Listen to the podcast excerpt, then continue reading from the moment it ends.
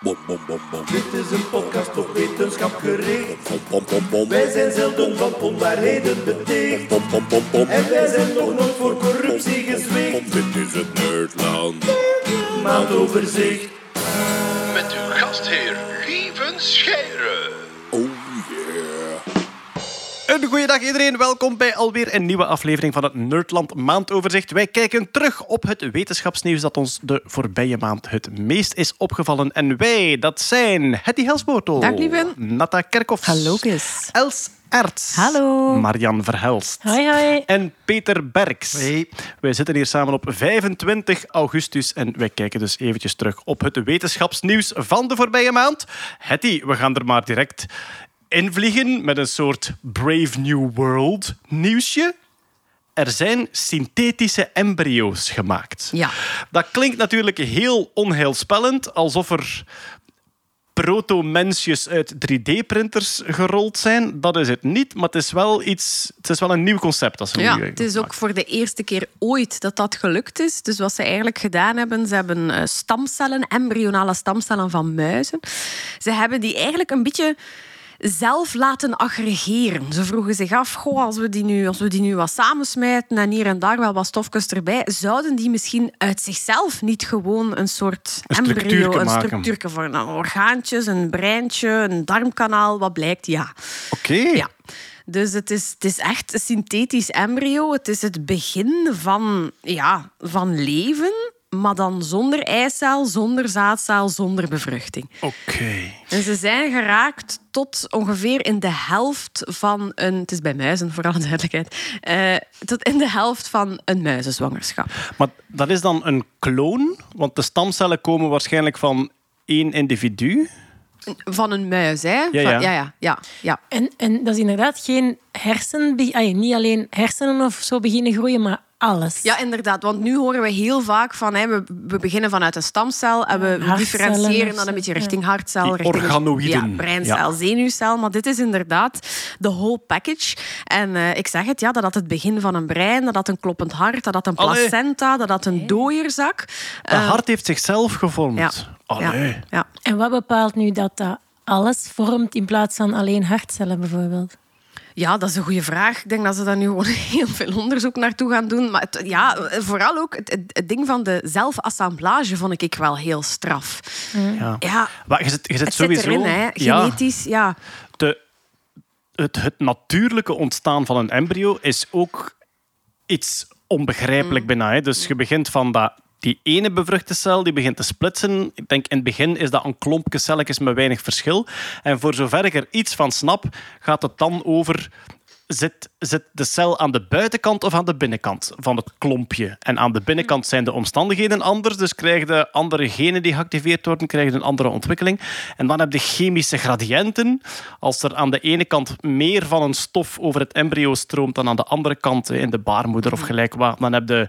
ehm, er is meer van een bepaalde biochemische stof aanwezig aan de ene kant dan aan de andere, waardoor dat die dan de kop vormen en de andere kant dan de staart. En goed, als dat allemaal start vanuit één bevruchte eicel, ja, dat is wat er altijd geweest is, wat we altijd gekend hebben. Maar nu hebben ze dus eigenlijk zelf een klompje stamcellen Ja. zijn eigen werk laten doen. Ja.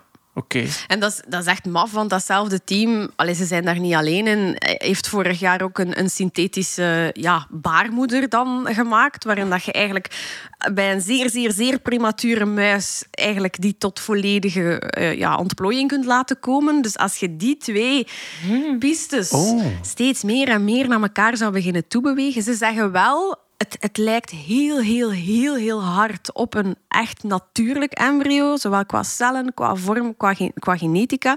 Maar het zal waarschijnlijk zeer moeilijk zijn om dat ooit tot een levend organisme te laten uitgroeien. Ja. Dus het is, het is echt wel nog altijd een soort modelsysteem waar ze bijvoorbeeld willen, stel een leukemiepatiënt heeft nieuw beenmerg nodig, er wordt geen donor gevonden. Ja. Je neemt een, een stukje huid van die patiënt, je laat dat, dat kan, hè. je kunt die huidcellen terugprogrammeren tot, tot embryonale stamcellen. En dan zeg je, oké, stamcellen, vorm maar een embryootje.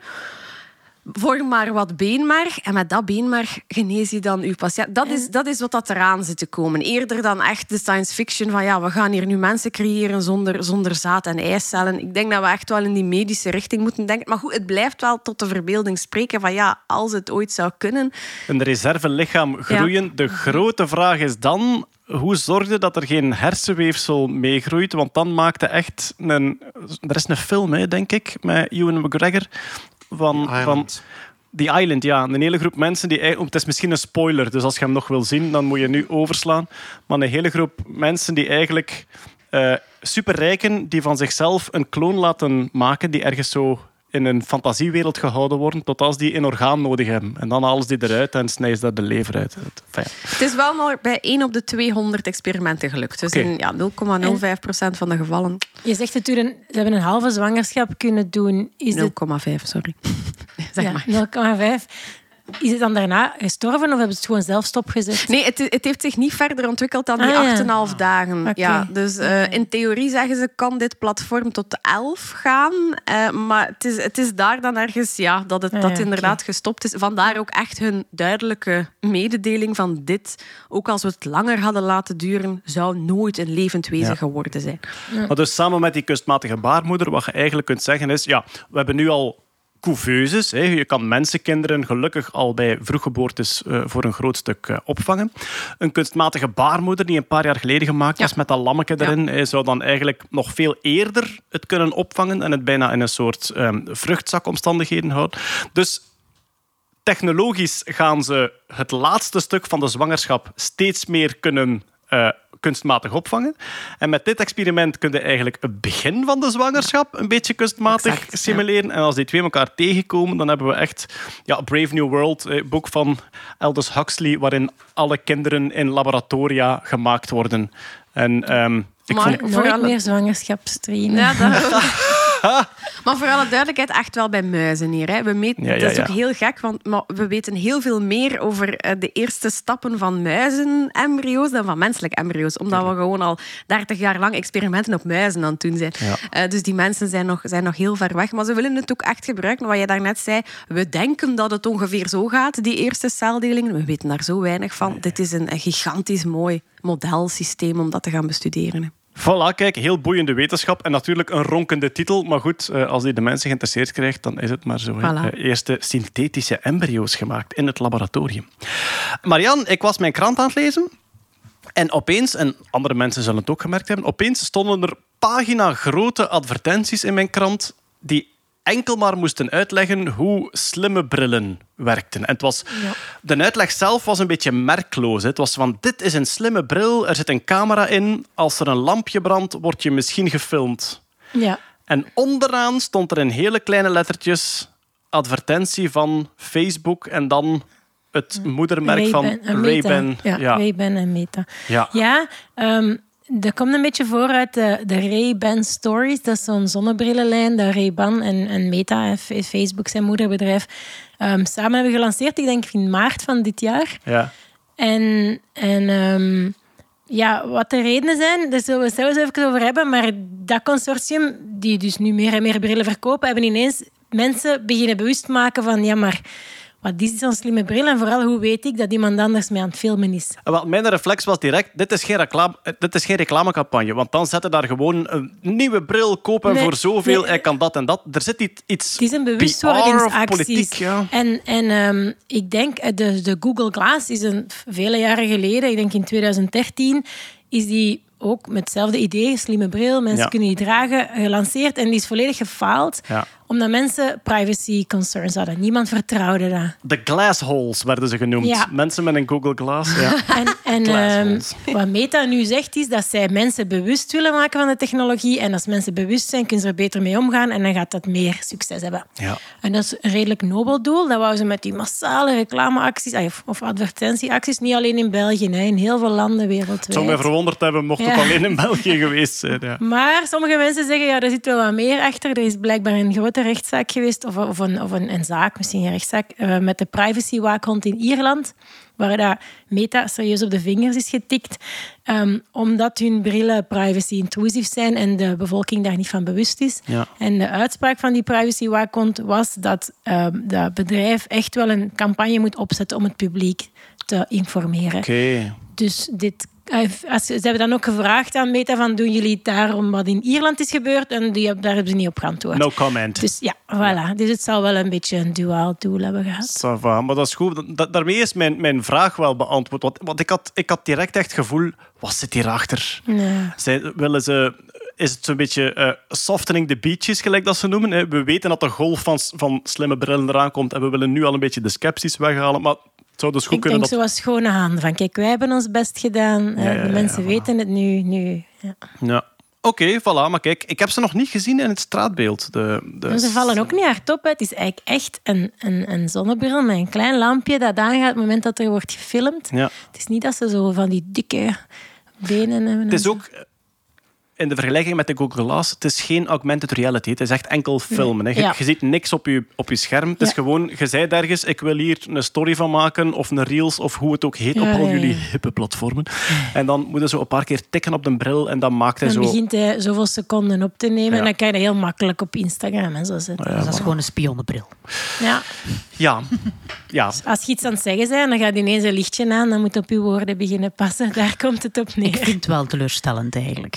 Ja, ja, Ja. maar tegenwoordig moet je inderdaad altijd op je woorden letten, want alles kan altijd gefilmd en opgenomen worden. Er zijn zelfs geruchten dat wij op dit moment opgenomen worden. Wat? Ja, ja, ja echt. Minder Ja, ja, ik denk het wel. Er brandt een lampje boven ons hoofd. We gaan even naar de natuur, hè, om, om te bekomen. Peter, je hebt mij een zeer enthousiast bericht gestuurd eh, deze maand. Ik zal het kort door de bocht eh, zeggen en dan mogen jij de, de, de echte uitleg doen. Hè. Spinnen hebben dromen. Ja, inderdaad. Misschien, hè? Ja, Het zou dus- kunnen... Dat zou wel dus de publication bias kunnen zijn. Ja, wel. Ja. Het zou kunnen dat spinnen dromen. Maar wat is er eigenlijk ontdekt, concreet? Wel, wat ze eigenlijk hebben ontdekt is dat die spinnen een remslaapachtige toestand kunnen hebben. En ze hebben dat gezien. Er is een bepaalde soort springspinnen. En je kent die springspinnetjes wel, die hele Ja, ja. mooie, leuke dingetjes die je En die hebben ook Twee grote dominante Ja, ogen. Absoluut. Ze hebben er acht, maar die twee voorste, dus die twee binnenste dan, zal ik zeggen, zijn heel groot en eh, staan heel frontaal. Er zijn een aantal soorten die dat doen, maar een van die soorten die eh, spinnen het draadje en die slapen dus aan dat draadje. Die hangen zichzelf in een hangmat, Allee. bij wijze van spreken. Oké. En wat ze hebben gezien is dat die, die spinnen hebben een sleep twitch. Ah, zoals katten en honden ook. Ja, en wij ook. Hè. ja. ja. Wat is dat? Sleep Twitch? Een sleep twitch is dat je zo schokken krijgt Een, als je een, kat, een kat kan in de slaap zo, zo wat Met de met, en met bekske en dan is die aan het dromen Een dat hij op jacht is of gelijk wat. Els doet dat ook. Is het echt? Zijn je vaak op jacht? eh, is altijd op jacht. constant. Vooral eh, naar, eh, naar, naar het beest dat naast mij ligt. Oké. Maar fijn, goed. En ze vonden dat, vonden dat raar, dus ze dachten van, hoe zouden die dan inderdaad dromen? Hm? Ja. Wat is de indicatie voor ons? Voor hoe kunnen ze ongeveer wel denken dat een organisme droomt? En dan spreken we dan over zoogdieren. Dat is die remslaap. En remslaap, ik ken dat van rapid eye movement, dus Ja. oogjes die bewegen. Is er ook Ja. nog iets verder neurologisch dat ze kunnen detecteren? jongen, bij een spin is dat dan zo al die ogen die zo... Ja. Ja, wacht. Nee, nee, niet helemaal. Maar Die toch bijna. Eh, dat weet ik niet, maar vooral die, eh, die, oog, die oogbeweging, de rapid eye Ja, ja. movement, is de indicatie voor mogelijk eh, dromen. Ja.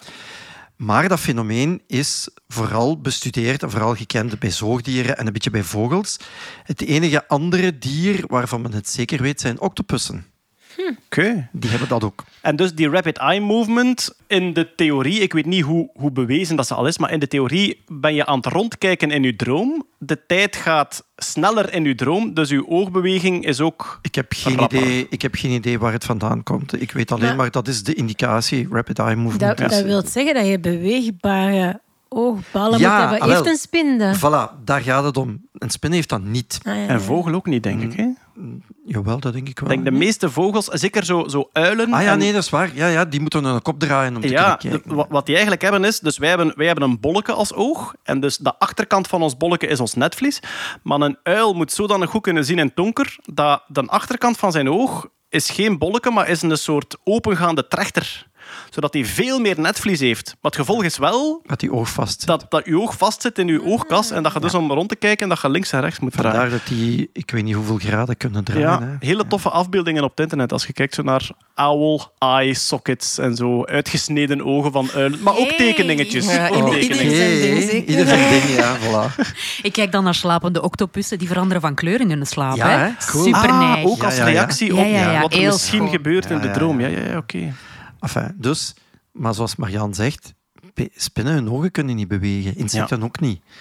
Maar springspinnen kunnen hun netvlies bewegen achter de ogen. Wat? Dus de binnenkant van het oog beweegt. Dus de lens aan de voorkant blijft staan. Oh, Maar het netvlies, dat zijn twee kegelvormige structuren en die bewegen wel. Och, Die hebben eigenlijk een spiegelreflexcamera. Die kunnen die Ja, ja, voilà. verzetten. Ja, voilà. ja, een- eigenlijk een CCD-blok achter Ja, de ja. lens kunnen ze heen en weer doen. maar ja. ja, dat is ook zo. En eh, wat hebben ze nu gedaan? Ze hebben dus juveniele spinnetjes, jonge spinnetjes gepakt, want die zijn een beetje transparanter en ze kunnen dat filmen. Maar Ja, doorzichtige spinnen. jawel.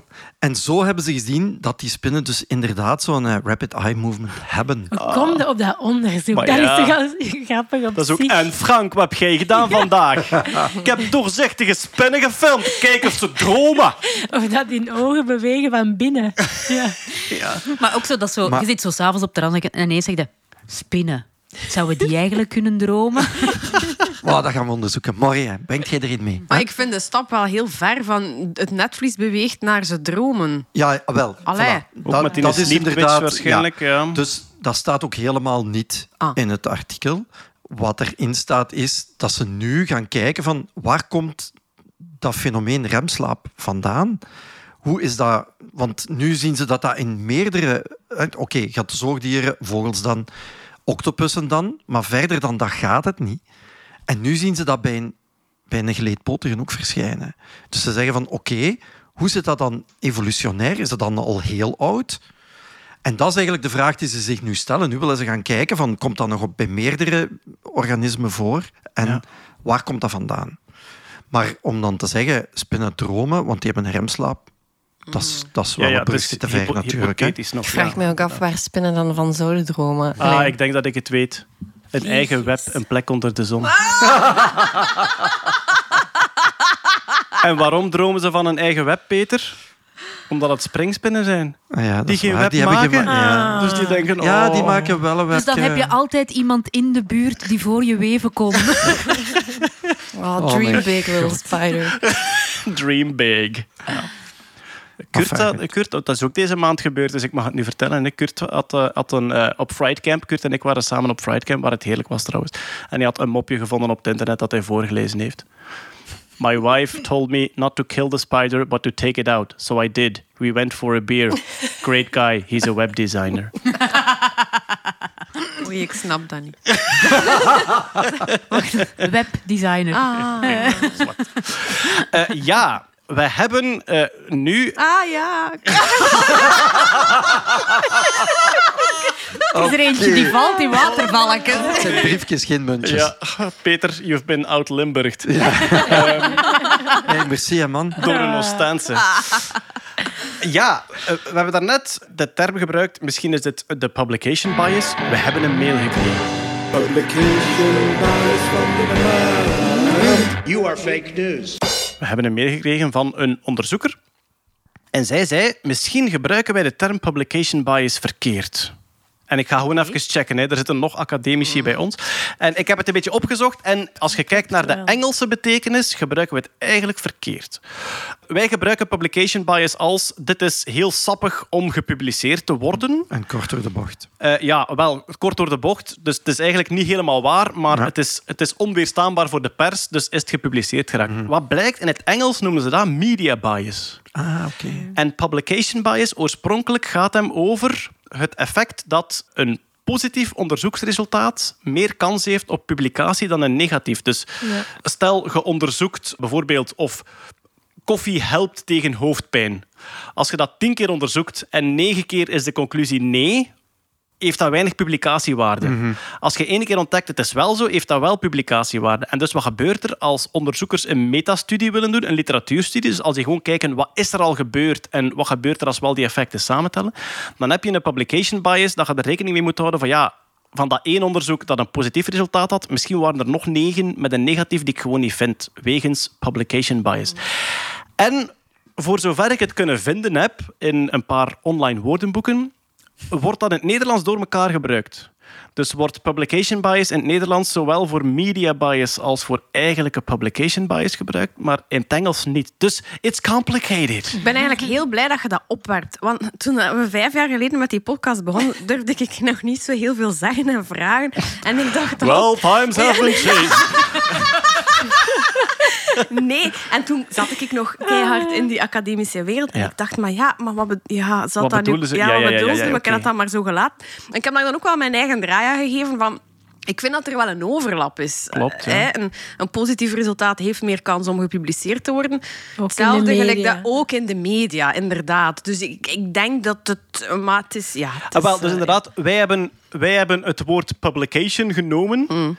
En alles wat u, alles wat u een, laat ons zeggen, onterechte of oneerlijke grote kans geeft op publicatie, hebben wij, gebruiken wij onder publication Ja, voilà. bias. Terwijl dat waarschijnlijk als het zuiver gaat over ja, de wetenschappelijke biases waar je gevoelig voor moet zijn in onderzoek, Mm. zal het meer gaan over wat wordt er gepubliceerd in een vakblad. En dan heb je meest kans met een, meer kans met een positief resultaat dan met een, met een negatief. zeer groot probleem, toch Ja, ja. zeker in de biomedische waar, wetenschappen. ja? Ik weet niet, Marianne, of Ik dat denk bij bij de jou hetzelfde biomedische is. nog meer dan bij ons, maar Ja. zelfs bij ons zijn mensen die heel lang op iets zoeken en het gaat dan niet op manier X of Y, maar krijgt dan maar eens gepubliceerd.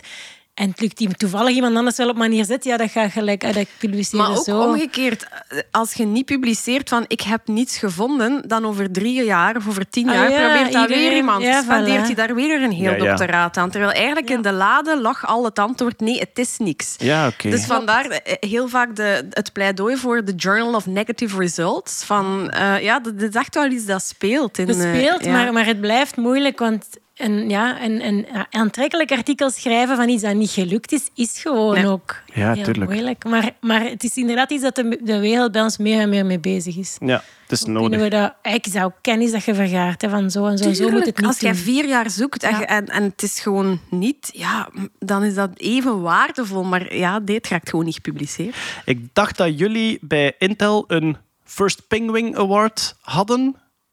Voor, Ja. voor, voor onderzoek dat... Voor ja, moeite die ergens ingestoken was om te ontdekken dat het niet het juiste pad was. Het was zoiets, denk ik. Hè? Het zit heel ver, want ik ben al meer dan tien jaar weg bij Intel. Maar er was inderdaad een First Penguin Award, maar ik weet niet meer helemaal wat ze daarmee deden. Ik denk Ja. dat jij mij ooit een uitleg gegeven hebt. Dat, eh, ja, Oké. ik, maar ik, ik vond dat toen, voor mij was dat toen echt een aha-erlevenis. En dan blijft er altijd plakken in mijn kop. Ik geloof dat je toen zei: kijk, als penguins aan, aan, een, aan een nieuw stuk zee staan en die moeten gaan zwemmen, wat ze dan doen is: eentje springt als eerste en de, de rest wacht even. Klopt. Omdat ze zeggen: als er een orka in het water zit, dan is er één dood. Terwijl als we allemaal springen, dan zijn we met twintig dood. En dus de first penguin is een die eerst gesprongen is en die dan voor de rest bewezen heeft: het is veilig. Of die voor de rest bewezen heeft: eh, sorry jongens, hier zat een orka, ik ben dood. Ja, ja, ja, dat is waar. Nu dat je het vertelt, komt het terug. En dus, maar, Dat is echt- maar ja, ook in, ook in, in bedrijfsonderzoek, in RD. Soms moet je gewoon een pad inslaan waarvan dan niemand kan weten op voorhand of het werkt of niet. En als je dan na zeer veel moeite ontdekt, het werkt niet, ja, dat, dat, dat geeft weinig eerwaardigheid in zo de buitenwereld van ik heb ontdekt hoe iets niet moet. Maar voor de R&D-afdeling zelf zijn er wel de first penguin. Jij hebt voor iedereen aangetoond dat dan een doodlopende weg is en dat spaart iedereen veel moeite uit. Eigenlijk moeten we een First Penguin Journal hebben. Ja, want Ja. Die, die doodlopende wegen zijn veel te onzichtbaar. Ook in Ja. kankeronderzoek. Allee, als je vier jaar zoekt naar heeft dit gen een invloed op tumorgroei en je vindt nee, dat is kei waardevol dat het antwoord nee is. Het zal niet in voor Nature de puzzel, komen, het zal ja. nooit in Nature komen. Maar de puzzel moet wel gelegd worden. Hè? Maar goed, ehm, Ik stel wel voor dat we toch publication bias blijven zeggen, want ik vind media bias vind ik heel negatief klinken. En de media heeft het al moeilijk genoeg om een beetje... De leugenachtige mainstream media bias, zo zullen we hem noemen. Maar goed, we kunnen, het er, we kunnen het er wel bij zeggen. Eigenlijk, ik denk dat wij in deze podcast publication bias alleen nog maar gebruikt hebben in de media bias betekenis. Ik denk niet dat wij al te Nee, maken gehad nee. hebben met Nee. negatieve resultaten. Meestal gebruiken we het als het een ronkende titel is, waar Ja. dat de lading dan lichtjes Ja. teleurstellend van is. Ah, Ja. wel, maar dus, eh, ik ben blij dat we even kunnen duiden hebben wat de wetenschappelijke publication bias is. Die staat ook beschreven in het boek Oogklepdenken, denk Ja, ik, van ja. Ruben Mersch, die alle mogelijke denkfouten en onbewuste fouten in onderzoek... Zeer goed boek, grote aanrader. Fantastisch. Oogklepdenken, zo heet die. Oké, en dus hebben spinnen dromen? Dat weten we niet. We weten wel... Alles zaten daar. Ja, ja. We weten wel dat ze sleep twitches hebben, dat hun beweegbaar netvlies beweegt. Ja, Dat ze de dus kleintjes een doorzichtig toestand Ja, hebben. en dat zou kunnen op dromen wijzen, maar dat... Ja, eh, maar ja, daar moet je ook een bepaalde vorm van bewustzijn volgens mij ook voor hebben. Dat Ah, maar goed, nu je dat gezegd hebt, Peter, ga ik toch onmiddellijk naar een volgend puntje Ah, ja, oké. Er was- stokpaardje. Ja, er was ook weer een, laat ons zeggen, een soort knuppel in een entomologisch hoenderhok, op een manier. Enfin, ja, even duiden voor iedereen. Een toffe manier om entomologen zeer lang met elkaar te laten discussiëren is de vraag: kunnen insecten pijn voelen? Ja. Hebben insecten pijn? Ja. En er is de voorbije maand een publicatie geweest die het ja-kamp extra argumenten geeft. Ehm, ja, maar dit is, ja, maar dit was geen onderzoek. Dit is een review. Hè? Dus een, een, een samenvatting van het onderzoek wat er tot nu toe al allemaal gedaan is. Ja. En zij geven inderdaad wel een paar eh, argumenten voor het ja-kamp. Maar, zoals we het al, al een paar keer hebben gezegd, je hebt met wat wij ervaren als pijn, heb je eigenlijk twee componenten. Eén is uw echte fysiologische component. Dus je hebt uw nociceptoren, en uw receptoren die dus schadelijke, wat potentieel schadelijke prikkels kunnen waarnemen. Dus dat kan mechanisch zijn, chemisch zijn of thermisch zijn. De receptor detecteert de schade en zet dat om in een Ja. elektrisch signaal Ja, dat via de zenuwbanen naar de hersenen gaat. Ja, en daar gaat het dan om. Dus bij ons gaat dat eigenlijk via het ruggenmerg. Ja? En zij zeggen van, ja kijk, wat zij noemen, dat, eh, zij noemen dat descending modulation, dus neerwaartse modulatie. Dus die pijn, die pijnprikkels, die kunnen verzacht of versterkt worden door uw ruggenmerg. Oké. afhankelijk van de omstandigheden. Nu, bij insecten geven ze nu daar het voorbeeld. Een hommel zal sowieso door suikerwater worden aangetrokken, ook al zit daar vergif in en ook al bijt dat in zijn, hoe zal ik zeggen, dat, dat steekt in zijn tong. Ah ja. Als hij daarvan drinkt, moet hij blijven drinken. Ja. Omdat die pijn dan verzacht wordt, omdat de aantrekkingskracht van dat suikerwater groter is. En dan wordt uw pijn verzacht. Dus die wordt gemoduleerd, daar wordt mee gespeeld. Of die prikkel nu sterk binnenkomt of niet. En dat staat los van uw reflex, dat uw, uw fysiologische reflex. Dus die pijnprikkel komt binnen, of die, die, eh, die, die, die ja, pijn kun je dat dan niet noemen. Hè. Die fysiologische prikkel komt binnen en dat gaat naar uw hersenen en dat gaat terug. Zodoende dat je voelt van, oké, dat is in mijn, in mijn hand of dat is bij die hommel in die poot of in zijn tong. Maar dus wat er, wat er biochemisch gebeurt, blijft Ja. hetzelfde. Dat blijft hetzelfde. Het gaat dan over wat gaan uw hersenen daarmee doen. Hoe intens gaan ze die pijn laten voelen of niet? En dat is bij ons gekend en dat heet descending modulation. En wat ze nu hebben gezocht van is, bestaat dat ook bij insecten?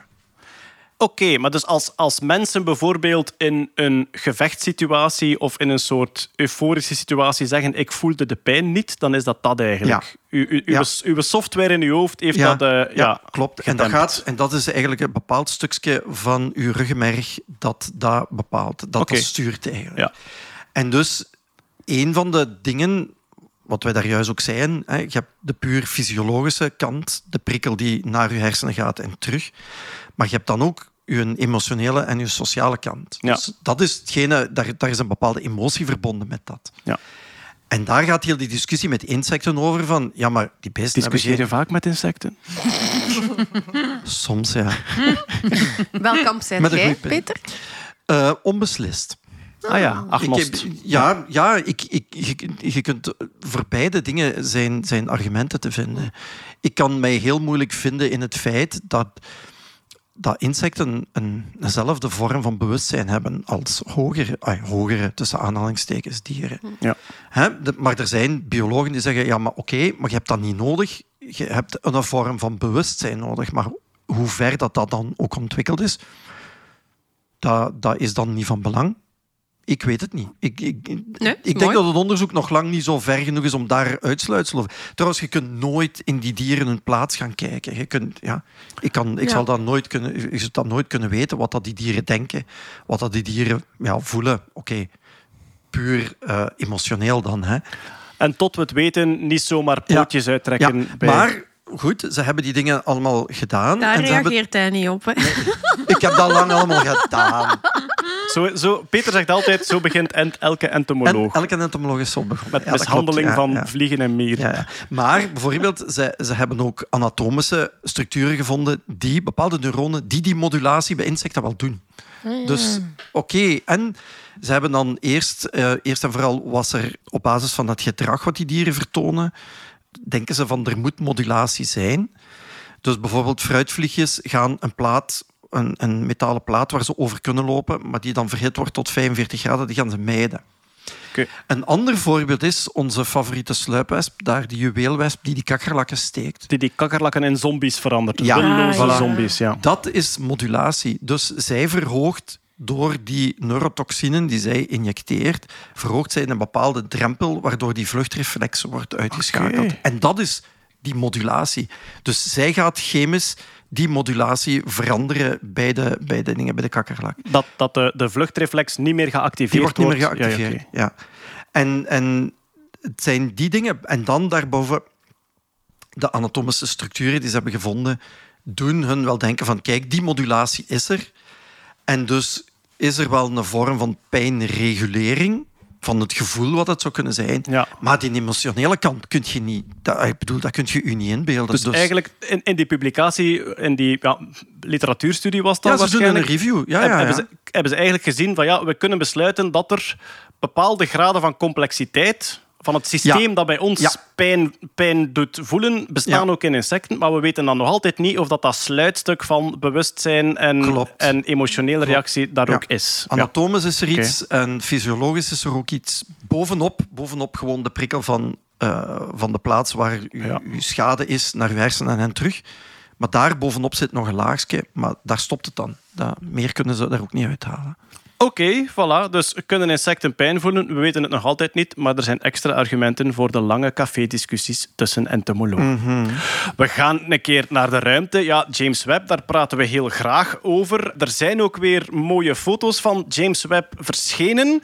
Onder andere eentje, Hattie, waar dat we allemaal met open mond naar zitten kijken hebben. Op een bepaald moment verscheen er op Twitter een foto van Proxima Centauri, onze dichtstbijzijnde ster. Nu, de meeste sterren aan onze hemel, bijna allemaal, zijn gewoon lichtpuntjes. Zelfs al vergroot je die enorm. Je ziet daar geen schijfje in, geen volume. Er zijn er maar een paar, denk ik, die met Hubble en zo echt als schijfje gezien konden worden. En Hubble, die, eh, zeg ik, die James Webb, die gaf nu echt maar een keer een prachtige schijffoto van die Proxima Centauri met zo... Rood. Met kleurschakeringen, wit en rood. En de hele wereld was Wauw. lyrisch. Ja. Tot de wetenschapper die het gepubliceerd had zei... Het was een chorizo. Ja. Het was een schijfje salami. De man had een leuke mop uitgehaald. Hij had mij liggen, hè? Hij had mij liggen. Ik dacht even van, wat Ja, kunnen ze dit Die- al? Ja, ja. En dan, ja, het was een schijfje ja. chorizo. Wel zeer, zeer dubbel onthaald geweest. Is het echt, ja? Ja, ja, ja. Het waren echt mensen pissen. Ja, ja, dit hoort geen wetenschap te zijn. En dan ook opiniestukken over moet wetenschap altijd funny en entertainend zijn. Ik dacht, allee, daar zijn we weer. Maar ja, het heeft wel, het heeft wel wat losgemaakt. Ja, de vraag is niet, moet het dat altijd zijn? Want ja, na- natuurlijk moet het dat niet zijn. De vraag is, mag het het zijn? En volgens die mensen mag het het niet zijn, blijkbaar. Dat is eh, ja. Zwat, eh, ik vond het een grappige, eh, een grappige. Eh, we hebben ook, denk ik, vandaag, het is nu 25 augustus, vandaag kwam er nieuws binnen dat James Webb eh, CO2 gedetecteerd had. Dan hebben we het echt over via, ik denk dat dat dan zo Spectro. Spectroscopie. Spectrumanalyse, Ja. ja. door te kijken welke energielijnen van het licht er weggefilterd worden door atmosferen. Eigenlijk zien dat er CO2 op een exoplaneet, 700 lichtjaar van hier was hij, denk ik. Ik denk, die was Eh, is- 39b, hè? Was dat Ja. toen? Nu, CO2 is... eh, het is geweldig boeiend dat hij een gas kan detecteren in een andere atmosfeer. CO2 is niet spectaculair, ontstaat ja, heel geologisch door vulkanisme enzovoort. Het is maar een keer dat die zuurstof ziet ergens, dat, dat we eh, een hele grote kans hebben dat daar eh, leven 700 lichtjaar van. 700 lichtjaar, voilà. Maar er was ook nieuws, Natta, deze maand, dat eh, ja, de Magellaan-telescoop is een telescoop in opbouw. Ik neem aan dat die op de grond staat en niet in de ruimte zit. Ja, die, die komt op de grond terecht. En de bouwers daarvan, ik weet niet of ze wilden piggybacken op het succes van James Webb, of dat ze meer iets hadden van, eh, sorry, wij zijn er ook nog. Want eigenlijk was hun boodschap, wij zijn ook bijna klaar en wij worden nog beter. Ja, dat is waar. Ik denk dat het inderdaad een beetje... eh, het project was versneld ook. Het zou in 2029 operationeel moeten zijn, de telescoop.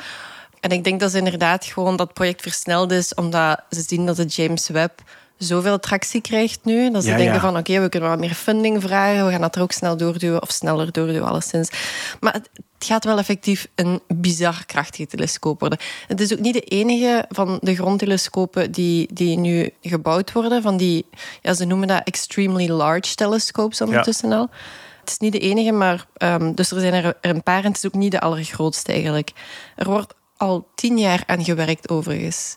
Eh, Ja, wel, gaat, gaat, eh, je hebt zo die, met die namen zijn ze helemaal zo uit een bocht aan het gaan. Het was eerst de Large Telescope en dan de Dus Very Large. Extremely, Extremely large. large. Ja, ja, dat Maar wordt zo een Als je kijkt naar het het verschil, het spiegeloppervlak van de James Webb is iets van een 25 vierkante meter. Ja. Bij deze, bij de, de Giant Magellan Telescope, gaan we tien keer zo groot. Ja. Naar Ah, 260 vierkante meter. Ah, de- dat is Giant. De ja. trade-off is daar, als je op aarde bouwt, kun je natuurlijk veel grotere oppervlaktes creëren dan zo'n openvouwende telescoop die in een, een neus van een raket moest zitten. Dus dat is uw voordeel op aarde.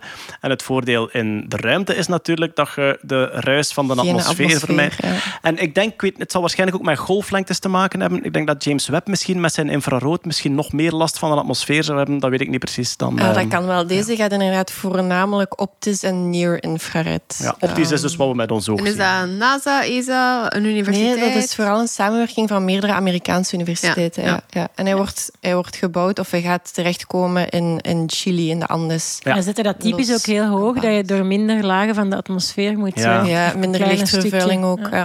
Ja. Op Hawaii zijn er ook een paar, maar daar hebben ze problemen. Ook, enfin, daar hebben ze wat spanningen met de lokale bevolking die het eigenlijk niet zien zitten. Dat de heiligdommen, hè, dus de bergen die vroeger eh, religieuze betekenis hadden voor de voorouders, dat die, wat dat, die top moet dan vlak gemaakt worden. En dat is, ja, ik vind dat een heel moeilijk spanningsveld. Jason Momoa heeft daar ehm, onder andere voor het actie tegen een telescoop. Dat is Aquaman, hè? Ja, ja, wel, ja, ja, ja. En dingen, hè. Khal Drogo. Van eh, Game of Thrones, hè, Game of Thrones.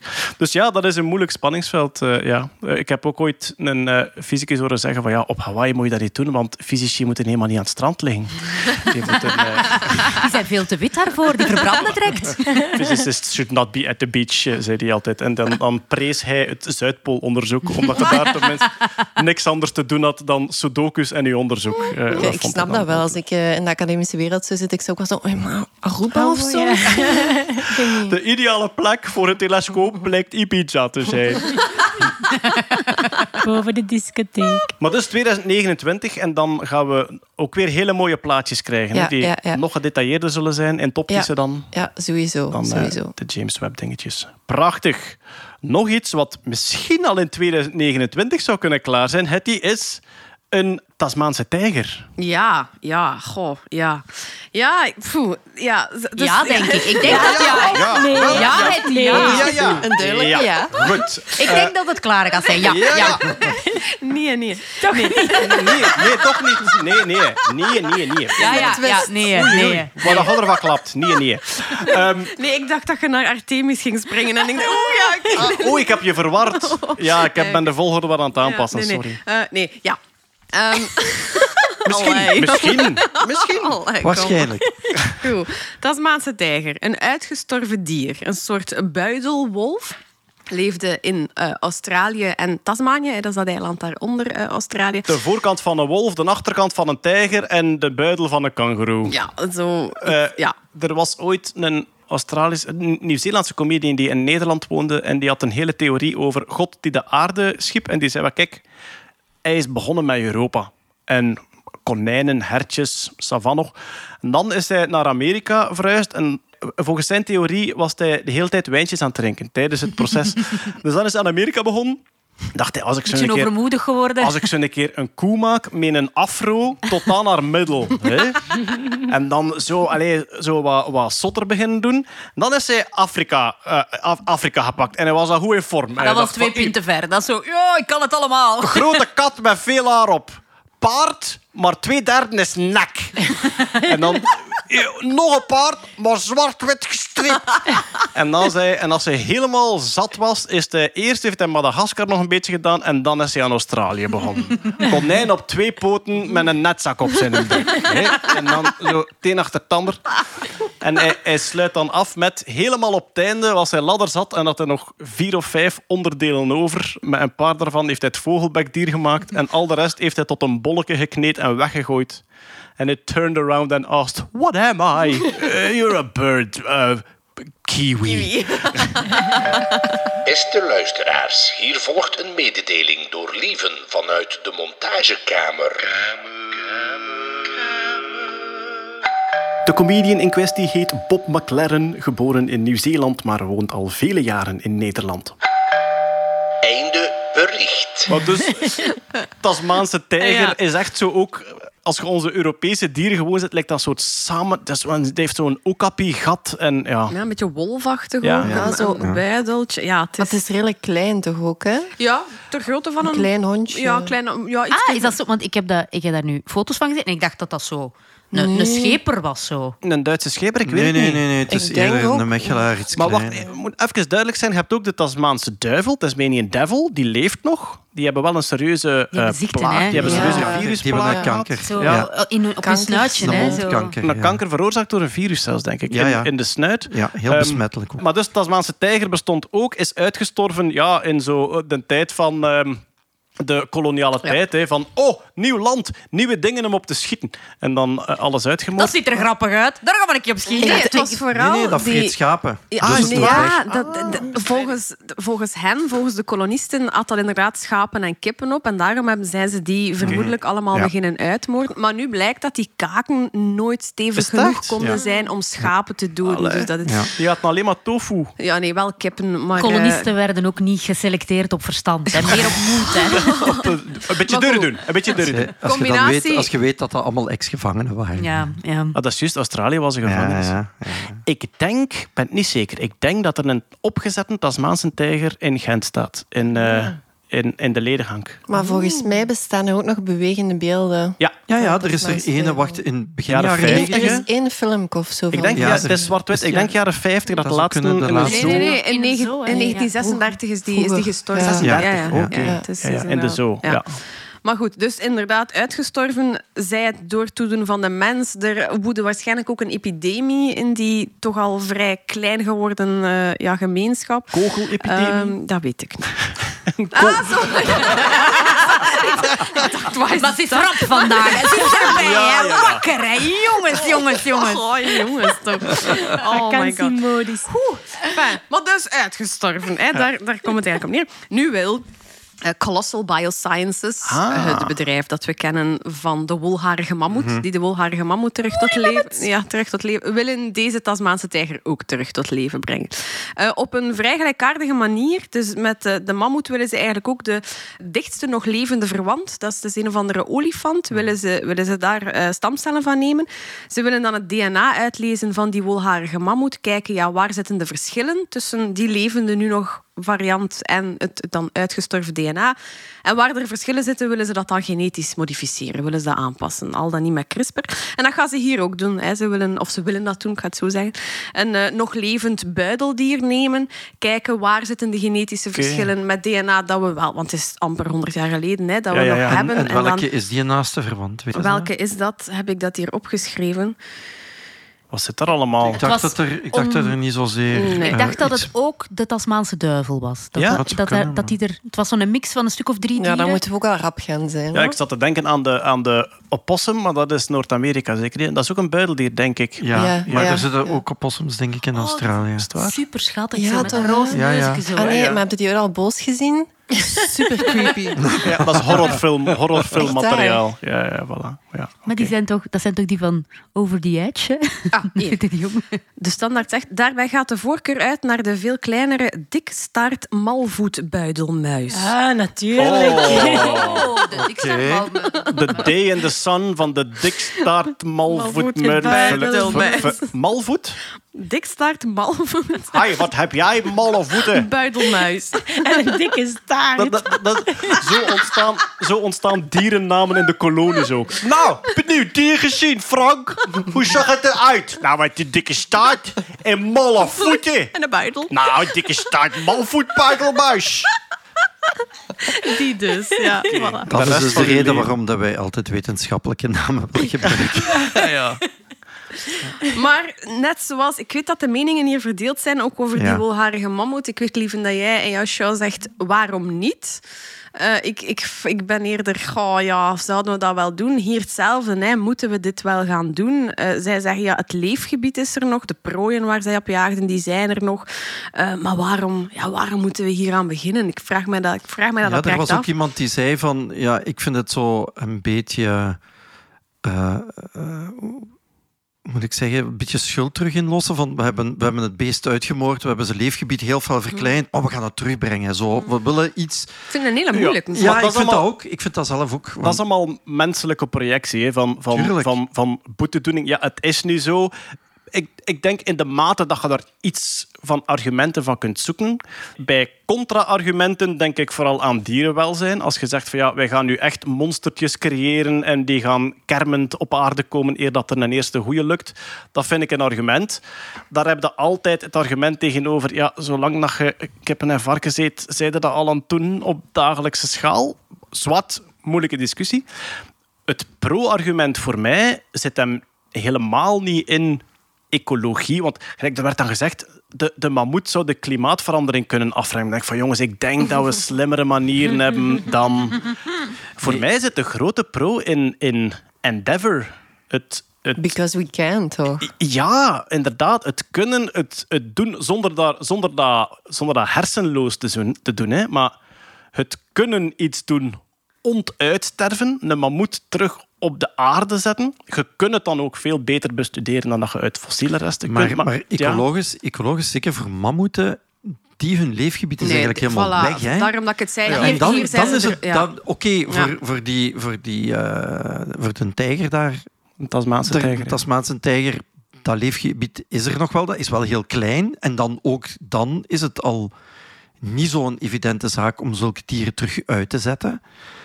Maar voor mammoeten is het weg, hè? Ja, Want klopt. die zetten in de Dat vind ik toch? nog een, een, een Ja, maar da- maar is dat, de dat vind ik dan een argument visie, hè. tegen. Niet te veel nadenken, gewoon gaan. Hè? Ja, maar ik zou, ik zou ze niet hè. je- Ik zou- dat, moet vind ik, daarop. ja, maar dat vind ik juist een argument tegen. Gaat jij dus speciaal een beest creëren om dat voor de rest van zijn leven in een kooi te zetten? Vind denk ik het wel, ja.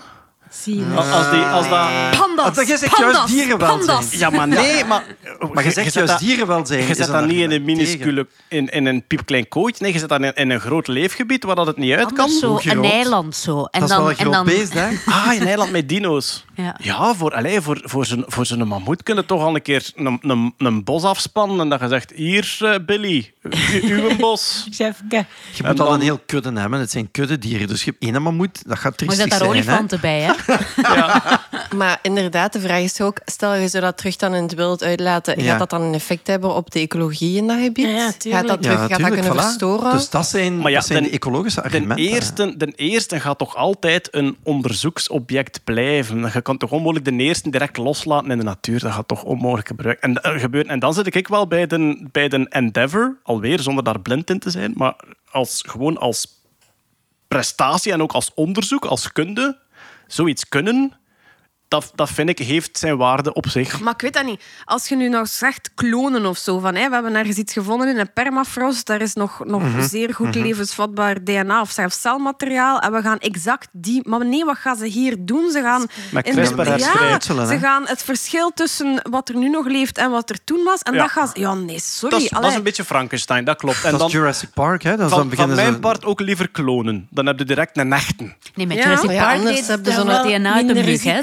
Anders heb je zo'n Tasmaanse malvoet. Dat is Half man, muis, half tijger. Dikstaart, mammoet, wat? Ja, dat ze gemist zijn tussen die tijger en die mammoet. En woef. Ja, oh, oh, wacht een keer. Ik heb een theorie. Misschien is die Tasmaanse tijger ooit zo ontstaan. Als ze de wolf en de tijger en de kangoeroe wilden klonen en het is allemaal in een pot geraakt. Een of andere beschaving die nu helemaal weggegaan is, die Ja, kon voilà. dat al. Maar goed, kijk, eh, Colossal, we hebben het bedrijf al vernoemd. Ze willen een mammoet klonen en een, nu ook een Tasmaanse tijger. Maar de eerste, ja, de, de eerste approach is niet om het te klonen uit bewaard celmateriaal, maar om een dichte verwant te gaan herschrijven tot die erop lijkt. Ja, veel pro's en veel contra's, dat is zeker zo. We hebben het al een beetje over de ruimte gehad, maar als ik mij niet vergis, gaat er binnenkort en waarschijnlijk zelfs voor de publicatie van deze podcast, gaat Artemis 1 vertrekken, helaas onbemand. Goh, helaas, ik vind, ja, ik vind het mooi dat dat al zover is. Eh, Artemis 1, ja, we gaan terug naar de maan. Ik denk dat we daar Ja. misschien moeten starten. Het is, dat weten veel mensen niet, van 1972 geleden dat er mensen op de maan gestaan Ja. Ik vind dat zot, hè. 1969 de eerste keer en drie jaar later de laatste keer. Voilà, klaar. Dat, dat is, ja. Ik heb Charlie Duke eh, ontmoet in Antwerpen. Charlie Duke, de tiende man op de maan. En die is in Antwerpen op onze Space Expo tentoonstelling geweest. En een hele geestige man. En die gaf daar een toespraak. I remember when I came back, I was the youngest man ever on the moon. I'm still the youngest man ever on the moon. Die mensen is in de tachtig ergens, denk ik. Dus ja, het is even geleden. Ja. Ja. Maar dus plan om tegen 2025, 2026 terug naar de maan te gaan. En hopelijk ja, de eerste vrouw op de maan te zetten. Hè. Ja. Ik denk dat dat ook wel eh, belangrijk is. En dat gaan ze doen met dat Artemis-programma. Altijd leuk vind ik, Artemis in de Griekse mythologie is de... de Godin van de jacht. Nee, en de tweelingzus van Van Apollo. Apollo. Van het. Apollo-programma. Dus het. Apollo-programma in de jaren Right. 60, 70. En nu Artemis ook voor dat vrouwelijk. Allee, Ik vind dat wel tof. Eh, en ze gaan het in drie fasen doen. Hè. En inderdaad, Artemis 1, wellicht als de podcast uitkomt, zal, zal die al gelanceerd zijn. Maar dat is een onbemande testvlucht om inderdaad te kijken. Dat is met dat nieuwe SLS, Space, Space Launch System. van de een NASA. jukkelraket, om het zo te De zeggen. ja. grootste en de krachtigste die tot nu toe gebouwd Ja, is. Eh, die, tot het Starship vliegt natuurlijk. Maar goed, dat is voor straks. En die, die gaat ook landen op de maan? Nee, nee, nee. nee. Dus eh, hij heeft voor bovenaan de Orion of Orion eh, spacecraft mee. Dus die gaat dat eh, ruimtetuigje Eh, Orion gaat ofwel een halve cyclus ofwel anderhalve cyclus rond de maan draaien. Dus dat is ofwel zes dagen ofwel 19 dagen. Gewoon er ronddraaien. Eh, Er gaan vrouwen mee en het is met cyclussen alweer. hè. Dat is toch echt... Met maancyclussen dan ook, ja. En dan gaat dat terug naar de aarde. Dus nu Artemis 1. Artemis 2 is voor volgend jaar, denk ik. Dan gaan er wel mensen in de capsule zitten. Maar Allee. die gaan ook nog niet landen. Die gaan dan ook Zoals bij Apollo ook. hè. De eerste waren zonder landen rond de maan. Ah, is dat? Ja, ja, bij Ja, ja. Apollo ook. Ja, ja. Oh, ja. En dan de derde, Artemis 3, zou dan in 2025 moeten zijn. Dan gaan ze ja, terug naar boven. Het coole is nu dat ze gaan overstappen. Hè. Ze gaan Ah. in de ruimte... Dus er moet ook die Lunar Gateway moet daar komen. Er moet daar een, ruimtestation rond de maan. vast ruimtestation rond de Straks maan. meer daarover, want wij zijn eh, bij een Belgisch Ja, bedrijf ja. op bezoek geweest die gewoon Zot. al onderdelen aan het prototypen en printen waren voor het ISS rond de maan. Dus dan zouden ze eerst met die Orion tot daar vliegen. Dan gaan ze daar overstappen. En dan zouden ze daar overstappen in de raket die nu aan Elon Musk toegekend is, hè, om dat te ontwikkelen. ja, ja. Om dan te gaan landen op de maan en terug op te stijgen. Het is zo, het is zo wat er echt... Een ik lift eigenlijk. Ja, een soort ruimtelift. Ja, en ik vind, ik vind het maf dat we in deze periode leven. Want ik denk dat het een beetje dezelfde vibe gaat hebben als 50 jaar geleden. hoop het vooral. Ja, ja, ja. Ehm, ja, nee, ik ben wel enthousiast. Ik ben Ja, heel het, benieuwd. geeft, het geeft wel weer... Allee, het geeft wel weer een iets vervelender beeld van ruimtevaart als het ook met overstappen is. de vertraging. Ja, en dan ook, gaat hij wachten? Gaat hij wachten? Of Is er een Ah, aansluiting? Ja, mijn weg. aansluiting is al weg. Ja, voilà. Ja, veel gedoe. Een jaar wachten. En stapt er dan uit in Maan Zuid, Maan Centraal of Maan Noord? Ah, maar daar hebben ze nu ook... NASA heeft eh, 13 gebieden eh, vrijgegeven waar dat ze willen landen. En het Ah, zal, de het zal landingsplekken. Maan Zuid zijn. Ze, ze, willen naar de, ze willen naar de Zuidpool. Ja. Ah. De vorige missies waren allemaal op de Evenaar Ja. van de maan. Hè? ja. Maar daar heb je eigenlijk een halve maand zon en een halve maand donker.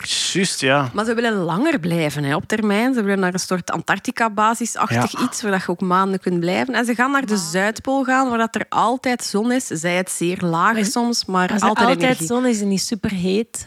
Eh, nee, ja. Blijkbaar niet, hè. ik, heb het niet opgezocht. Nee, maar blijkbaar hangt die vrij laag of zo. En is er dus altijd energie, maar is het wel leefbaar. Of zo. Ja. Oké, ja. Ja, op de Nevenaar is dat daar warm, zeg. Ja, er was ook een oproep voor studentenideeën. NASA doet dat soms. Hè. Ik denk, ze hebben ooit zo de oproep gedaan voor een nieuw maantoilet te ontwikkelen. En nu was er een oproep voor ertsontginning op de maan. Want het is natuurlijk de bedoeling dat wij niet al ons bakstenen moeten meepakken naar de maan, maar dat wij ook kunnen bouwen met ja, wat er daar ligt. Ja. Maancraft. Dat is mijn blokjes. Ja, mijn blokjes. Nee, maar het kadert in datzelfde Artemis-programma dat het net vermeldde, hè, omdat ze daar een permanente basis willen bouwen. Maar dat is veel te duur en, en, en onmogelijk om al dat bouwmateriaal mee naar daar te pakken. Dus ze willen eigenlijk lokaal metaal kunnen fabriceren. Door, niet door ertsen mee te nemen, maar door daar ertsen te ontginnen Ja. uit, de, uit de oppervlakte. Dus blijkbaar zit daar, en dan lees ik dat af, ilmeniet en anortiet. Ah. Enfin, allemaal ertsen waar dat je... Tieten. Ja, tieten. Klinkt echt zoals twee figuren uit de Griekse mythologie. Ja. Ook, hè. En Anortiet. Ja, en dan elk jaar doet de NASA zo'n grote eh, challenge. Dat noemen ze de Big ID Challenge. Breakthrough, Innovative and Game Changing. En dit jaar is de challenge allemaal innovatieve ideeën om metaal te kunnen fabriceren op de maan. Dat kan zijn de detectie van metaalertsen, dat kan zijn die, ehm, de refining ervan, dat- die 3D-printen enzovoort. Ja.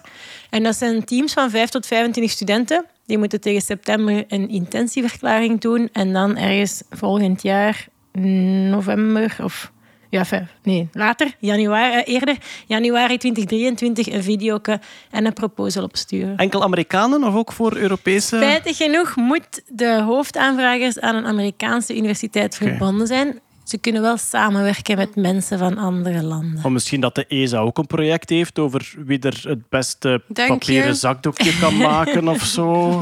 Ja. Alright. En eh, ja, de bemanning van Artemis 1 is nog niet bekend. Die zit nog in eh, selectie, behalve één iemand. Els. Nee, van Artemis 2 zit nog in selectie. En Ah ja, Artemis tuurlijk. 1 ging zo gezegd zonder iemand erin. Ah. maar het is niet zo. Er gaat wel 1, iemand er gaat wel iemand ja, mee. Ja, ja, Sean the Sheep.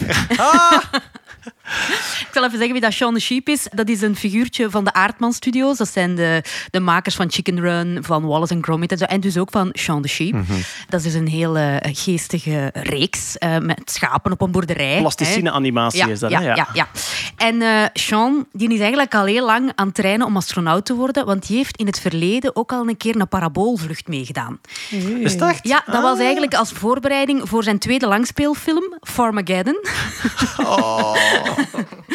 en nu eh, gaat hij dus effectief mee met Artemis 1. Gaat hij dus eh, mee omhoog. En je kunt die dus volgen online. Die heeft een blog waarin dat hij dus traint als astronaut. Allee. En dat is echt zo om kinderen eigenlijk te betrekken bij dat, bij dat leven van een astronaut. En hoe cool dat dat is en wat dat die allemaal top. moeten kunnen en zo. Dus dat is super, super tof gedaan. Het is een website of is het op social media? Zijn Het is een website. Dus Ah, het is eh, oké. via ESA een blog van Sean Sheep. We zullen hem in Top. de show notes zetten. Ja. En dan zie je bijvoorbeeld zo die, die, ja, die centrifugeermachine Ja, en die zo. G-kracht, Ja, ja, eh, ja, ja, ja. om G-kracht te voelen. Tot, dus- als de plusje uit zijn nol vliegt. Ah, wel, maar ze hebben dus voor hem zo een klein ESA-uniformje gemaakt. Zo ook zo- zo'n overalletje zo, met daar zijn Sean op en dan zo ESA. En zo echt heel tof. Ah, het is keischoon. Er gaan wel dummies mee ook, hè. Ah, is Ik wou juist zeggen, Sean is niet de enige Ja. trouwens die meegaat. Er gaat ook een Snoopy mee en er gaan ook vier Lego-mannetjes mee. Ah, en ook dummies. Echt Human zo. sized, Ja, inderdaad. ja. En hebben ze die genoemd. Ja. Moenekin. Ah, Ja. mannequin. Moenik, ja. Dat is Ah, juist ja. mannequin, wat dus eigenlijk zijn oorsprong in Gent heeft, hè, het woord mannequin. Oh, is dat zo? Ja, ehm, er was, ik denk, Gent zat onder eh, Franse heerschappij. Ik had, ik had het nu verkeerd zeggen en dan sturen mensen maar e-mail, dan zeggen we het juist volgende keer. Ja, voilà. Eh, Gent zat, ik denk, onder Franse heerschappij, maar was wel een heel welvarende stad. Gent is met een tijd lang in de middeleeuwen een van de centrumsteden van, van Europa geweest. En de Franse heerser kwam op bezoek in Gent. En om hem zijn ogen uit te steken, hadden ze zich op een doordeweekse dag hadden ze eigenlijk afgesproken binnen Gent. Wij gaan allemaal ons echt ons duurste kleren aandoen. Dat die denkt van die lopen hier op een dinsdag in pracht en praal. En dus die liepen allemaal te paraderen met fantastische kleren aan. En wat die, eh, wat die Fransen constant hoorden dat die tegen elkaar zeggen was ah, we zijn hier in manneken, manneken. En dus die hebben een manneken dat die elkaar aanspraken met manneken, hebben die onthouden. En dat is dan verbasterd naar mannequin, als zijnde paspop of iemand die kleren showt. En dus die paspop, mannequin, ook in het Engels, zou van Gent komen. Ja. Ja. We zullen nu zien hoeveel historici dat er meer een zever schijnen. Gezever. ja, want spraken ze nog in Frans in Gent? Is dat niet zo die, die blijkbaar niet. Nee, Die ja. niet. Oké. Ja, voilà. Maar dus er gaan ook dummies mee, waarschijnlijk zo met drukmeters en al, dat ze ook kunnen Ja, achteraf zien absoluut. Ja, ja, heel veel sensoren. Ja, ja, absoluut. hoeveel. G-krachten zaten. Fijn, dat wordt er dus een dikke party, hè. Hey. En die Lego-mannetjes? eh, Er zijn vier Lego-mannetjes die meegaan. Ik weet niet precies welke van die minifix, ja. En dan een Snoopy en dan Sean. Ja, Was het verhaal daarachter? Of? Ik weet, Snoopy die moet dienen als... eh, ja, daar gaan ze aan zien wanneer dat er gewichtloosheid is, heb ik gezien. Maar de, de, Ah, de ja. Lego-mannetjes, daar heb ik niet verder op gezocht. Hoe heet dat nu weer? Dat is de, de Zero G Indicator Ja, of zo? dat is hem. Dat is hem. Ja, Ja, ja. Dat, dat is iets wat dat bijna in alle ruimtemissies, ook in de Soyuz zie je dat altijd. En elk team kiest dat voor zichzelf. Wat je eigenlijk gewoon doet, is je hangt een gewichtje aan een ketting. En zolang dat je aan het opstijgen bent en er zijn G-krachten, of zolang dat de motoren aan het duwen zijn, gaat dat gewichtje ene kant uitgeduwd worden. En vanaf dat je main engine cut-off hebt, dan opeens begint dat gewichtje te zweven. En dat is voor astronauten vaak de, de, de duidelijkste indicatie. We zitten nu in zero G. En ze kiezen daar zelf iets voor. En dat zijn altijd poppetjes of gewichtjes of, eh, of gelijk wat. En dat zal dan nu een Lego-manneke zijn. Hè? een Wat- Snoopy. Ah, Snoopy. Ah, Snoopy, Snoopy is de zero G indicator. Oké, eh, we- we, we gaan even eh, nog wat Belgische geschiedenis bovenhalen. Het, het pre-Belgische geschiedenis. Waterloo. Gigantische veldslag. Wordt nog eh, herdacht en herspeeld om de zoveel tijd. Ja. Eh, 20.000 doden. En geen ene gevonden. En wel, er is al een tijdje een mysterie. Waarom vinden wij zo weinig skeletten? Er is, denk ik, vorig jaar is er nog ergens Ja. onder een boerderij. Ja, ik denk dat ze er in totaal maar een stuk of twee, drie van gevonden hebben. Hè? Voilà, 20.000 gesneuvelden en maar twee of drie gevonden. Wat is daar aan de hand? Er kwam nieuws en het, ja, het klinkt zo ongeloofwaardig dat ik het wel eh, serieus verder moet checken heb. Het komt van de Universiteit van Glasgow. Het is effectief archeologisch onderzoek, maar het klinkt very Tim Burton.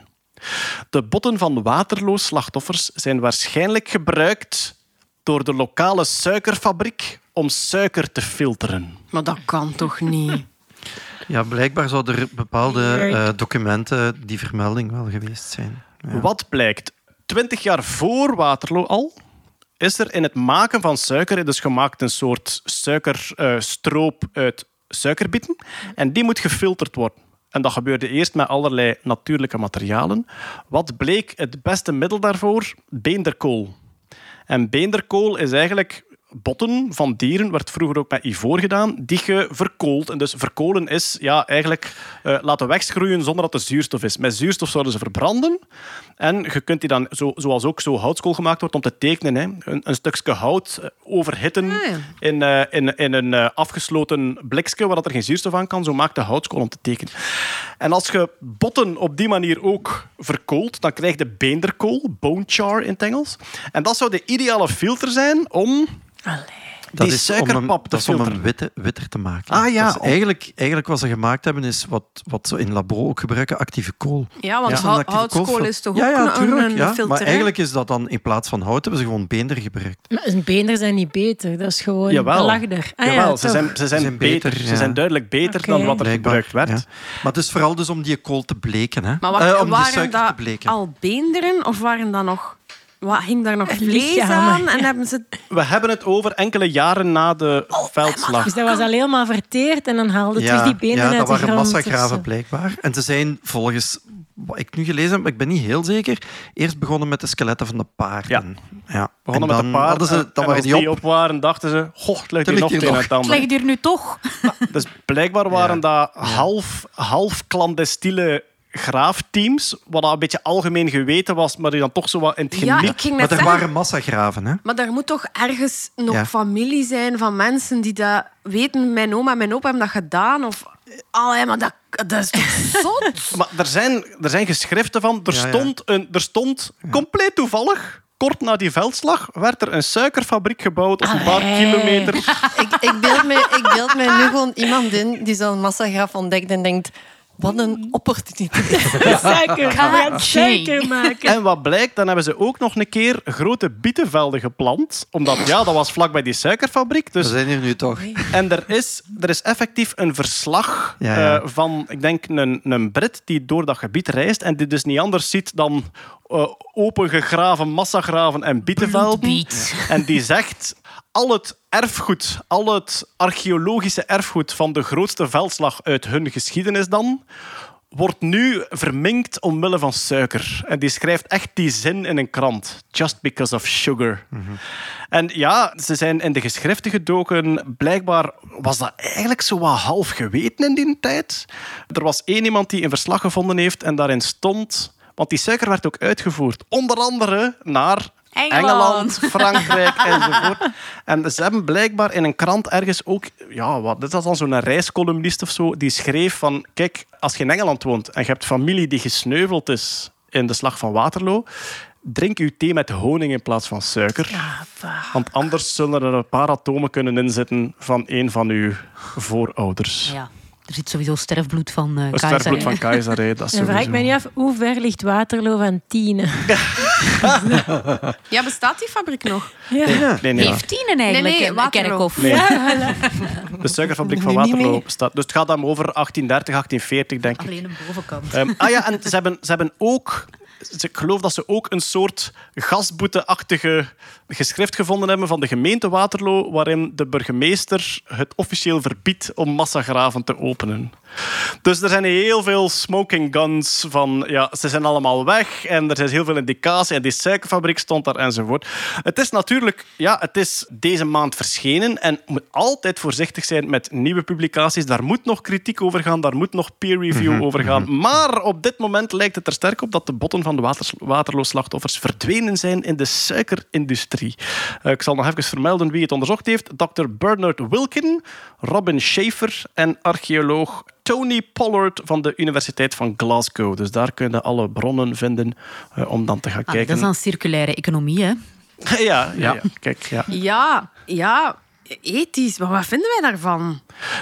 In de huidige tijd zou dat waanzin zijn. ik denk, in die, tijd was, in die tijd zal dat ook not done geweest zijn. Maar ik neem aan dat er toen eigenlijk zodanig veel gruwel over Europa al gepasseerd was in die Napoleontische tijden, dat ze dachten van... zorgen. Het is ook wel gewoon praktisch. Ik denk dat ze hun handen vol hadden met de levenden en niet zo hard bezig waren met die botten die daar lagen.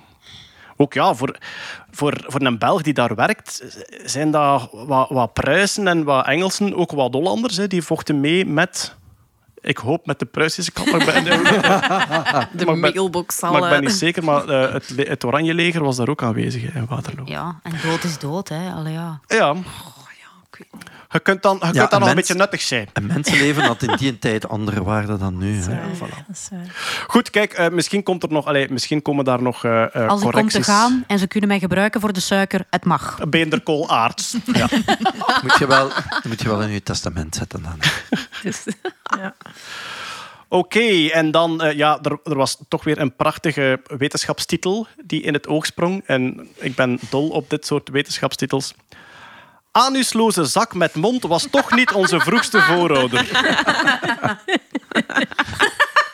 Goed. Als ik dat las in onze... We hebben altijd zo'n lijstje, dan dacht ik weer een echt lieve artikel. Ik zie dat staan en eh, you've got my attention. Anusloze zak met mond was toch niet onze vroegste voorouder. Wat is er gebeurd? Er is, eh, in China is er een tijdje terug een fossiele bacterie. Is dat dan een bacterie? Nee, denk het was geen bacterie, Nee. het was iets anders. Eh, Iets eencellig? Ja, het was... Ja, oh, ik denk nee, het nee, nee. wel. Het was, het, was, het was een millimeter drie, dus het zal niet eencellig geweest Nee, zijn. juist. Het heet de Saccharchitus coronarius. Corona. Corona. Waarom heet het corona? Omdat er ook zo pinnetjes uitsteken langs alle kanten. Nee, dus Ik dacht dat het in China gevonden was. Ja. Coronarius. Ehm, het ziet er wel super cool uit. Het is echt gewoon zo de Winter King van Game of Thrones, eh, die ook zo van die pinnen uit zijn kop. Wel, je neemt de Winter King, je doet zijn ogen en zijn neus weg, je maakt zijn mond drie keer zo groot en dan kleurt hem paars en dan heb je dat beestje. En dan kijkt hij naar de minions en dan zie je ze gewoon voorbij lopen. Ja, in voilà. paars. eigenlijk- Zonder die stekels. Ja. Het is eigenlijk een, eh, laten we zeggen, als de Minions zo een, een kissachtige band oprichten, of de, de Minions ehm eh, Maar meets heb de, Rammstein. heb je de paarse minions al gezien, de slechte minions? Ah, nee, nee, ah, dat die gezien. zijn er, hè. Is Ja, echt? ja, ja. Ah, ja, ja, ja. Ah, nee, ik ben nog niet mee. Ja. Maar dus, en het is effectief een, een, ja, zo een zakje met pinnen op met een grote mond. En dus die is een tijdje terug gevonden. En wat zagen ze? Ja, die heeft geen, die heeft geen gat. Dus er zijn twee theorieën. Ofwel absorbeerde die alle voedingsstoffen, ofwel was zijn mond ook zijn gat. Nee. De mond is ook de anus. Dat kan Er zijn, eigenlijk er ook. zijn ze nog Ja, dat is bij zeeanemonen Eh, ook. Hè? Ja. Eh, voilà. Maar het belangrijkste was, het is 530 miljoen jaar oud. En ze dachten, ze zagen allemaal gaatjes. Ah ja, de paarse minis, ze lijken er echt op, Ja, Els. Ze lijken er echt op. Maar ze zijn, deze zijn nog iets eviler. Het is toch iets meer ja, horror-thriller-stijl dat erin zit. Ze zagen eh, gaatjes naast de mond. Dus dat ding is bijna de helft mond. dat wezen. hè. De Jean-Marie de Dekker van de eencellig. En, ehm, anusloze zak met Het is mond. geen eencellige. Eh, nee, het is geen eencellige, sorry. Ehm, eh, dus, Allee, eh, Jean-Marie de Dekker misschien wel. dat zullen we zien. Dat is een één hersencellige. Oesje, oesje. Ehm, dus ze zagen die gaatjes naast die mondopening en ze dachten, dit is het begin van kieuwen. En als er het begin van kieuwen is, dan zit het direct in heel die lijn waar dan de voilà, en de vissen het. En wij zijn dan de vissen die aan land gegaan zijn enzovoort. En dus een, een wetenschapper had dat gepubliceerd. Hij zegt van kijk, dit is mogelijk onze eh, verste voorouder. Er is nu extra onderzoek gebeurd. Wat blijkt, die gaatjes in de zijkant zijn gewoon een paar van die pinnetjes die uitgevallen waren. Dus dat zijn geen protokieven. En dus zeiden ze nu, nee, de anusloze zak met mond is toch niet onze vroegste voorouder. Het is waarschijnlijk, denken ze nu, de voorouder van de spinnen en de krabben. Ja. Maar, Wat was het? Deuterostomen en... Ja, deuterosomen, hè. Ja. Ja. Die- Je hebt een ja. ander. Hè? Wat was maar goed, ook dat is allemaal nog vroeg dag. Hè. Het is nog ongoing ehm, wetenschappelijk debat. Maar ik vind dat ook zo zot, want ik heb het ook gelezen. Dan, een paar jaar geleden vindt er iemand, denk ik, zo, eh, zelfs geen team, maar iemand zoals slechte fossielen, die denkt, ah ja, daar zitten gaatjes naast die mond, van ja, dat zal het dan wel zijn, Ja. onze vooruit. Ik ach, ja. Het is inderdaad, het, het, laat ons zeggen, het had misschien beter eerst even in het labo gebeurd. Ja. Maar, en nu moet ik opletten welke term dat ik gebruik, de publicatiewaardigheid. Als journalist, als er iemand zegt van we hebben mogelijk onze verste voorouder Ja. ontdekt, ook Ja. al is dat speculatief, je wilt dat gewoon schrijven. En dat is denk ik moeilijk binnen je labo te houden, ook al Nee. is dat eigenlijk nog ongoing Je hebt debate. gelijk. Waarschijnlijk was het wetenschappelijk onderzoek speculatief en voorzichtig. En Ja. hebben ze er... Ja, nee, oké. ja, nee, En nee, heeft de media bias, Ja. sorry Els, Het is weer die vuile mainstream media. Ja, voilà. Oké. Maar ondertussen is het natuurlijk dringend tijd geworden voor...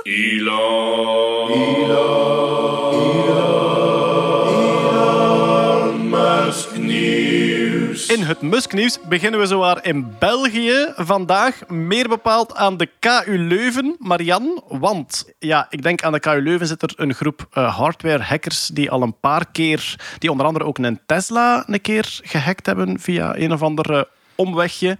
En nu hebben ze de Starlink Dish, dus de antenne die, ja, waarmee dat je internet van de Starlink-satellieten kunt halen, hebben ze ook gehackt. Ik weet niet precies op welke manier, maar jij waarschijnlijk wel, want hij is gewoon heel zijn hack komen uitleggen op uw bureau. Ik ben kei fier en het was Top. super, super cool. Nu, het zijn niet zo'n heel consortium van hackers. Het is echt wel gewoon ene gast dat zowel die Tesla's heeft gehackt en nu de Starlink Dish heeft gehackt. En dat is Lennart Wouters. Die heeft, eh, doet onderzoek aan de COSIC, dat is de cryptografiegroep bij ons op ESAT aan de KU Leuven. En hij is eh, eh, PhD, postdoc, Hij is. PhD-student al een hele tijd. Ik, eh, nu ging hem eens aan zijn doctoraat beginnen schrijven. Ja, maar ja. Te veel coole dingen Hij gedaan. heeft echt Ja. keiveel coole, die Too coole cool dingen for my. PhD. Die Voilà. gewoon van onderwerp veranderen of zo. Ja, nee, ik denk dat hem nu wel ongeveer klaar Maar is. heeft hij dan een hack waarmee dat hij zonder abonnement internet kon krijgen? Of hoe was het juist? Dus wat heeft hij gedaan? Lennart wil eigenlijk gewoon zo'n systeem hacken. En eigenlijk wil dat zeggen, je wilt daar binnen geraken alsof dat je een, een superuser bent, met alle privileges dat je maar kunt Ah ja, dus de, de administrator op de computer bijvoorbeeld. Ja, op, op, op die dish dan. Dus wat heeft hij gedaan?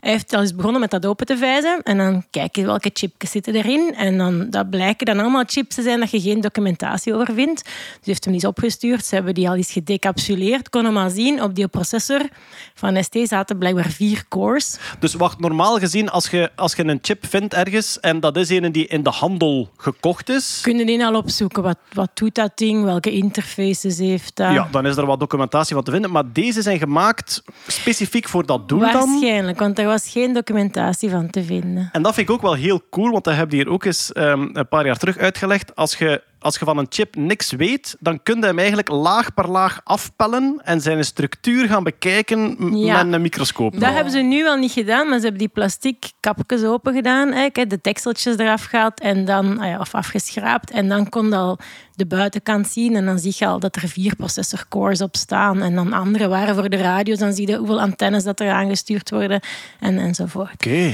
Nu, dan wist hem, oké, daar zitten de processoren.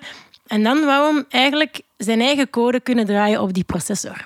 Maar wat blijkt, die processor die draait niet gewoon eender welke code. Dat moet code zijn die geauthenticeerd en cryptografisch bewezen is dat die van Starlink komt. Dus de beveiliging zit in de chip zelf dan. Eh, Niet helemaal. Die eh, processor die boot met een bootron, dus een bootprocedure. En Dus die opstartprocedure, ja, opstartprocedure, voilà. En die opstartprocedure die zet eerst alles aan. Die begint zo van die standaard basiscode te runnen. En dan wil hij naar de echte applicatiecode gaan om Linux te gaan booten enzovoort. En daarvoor moet hij eigenlijk naar een extern geheugen die code gaan halen. Maar natuurlijk zegt dat ding, oei oei, die, daar kan gefoefeld zijn met die code. Ik ga eerst checken of die cryptografische beveiliging, die handtekening van die code klopt. Ja. Dus die bootprocedure checkt, is die handtekening juist? Zo ja, dan laat hij heel die code in en al de rest van de software draait. Ja.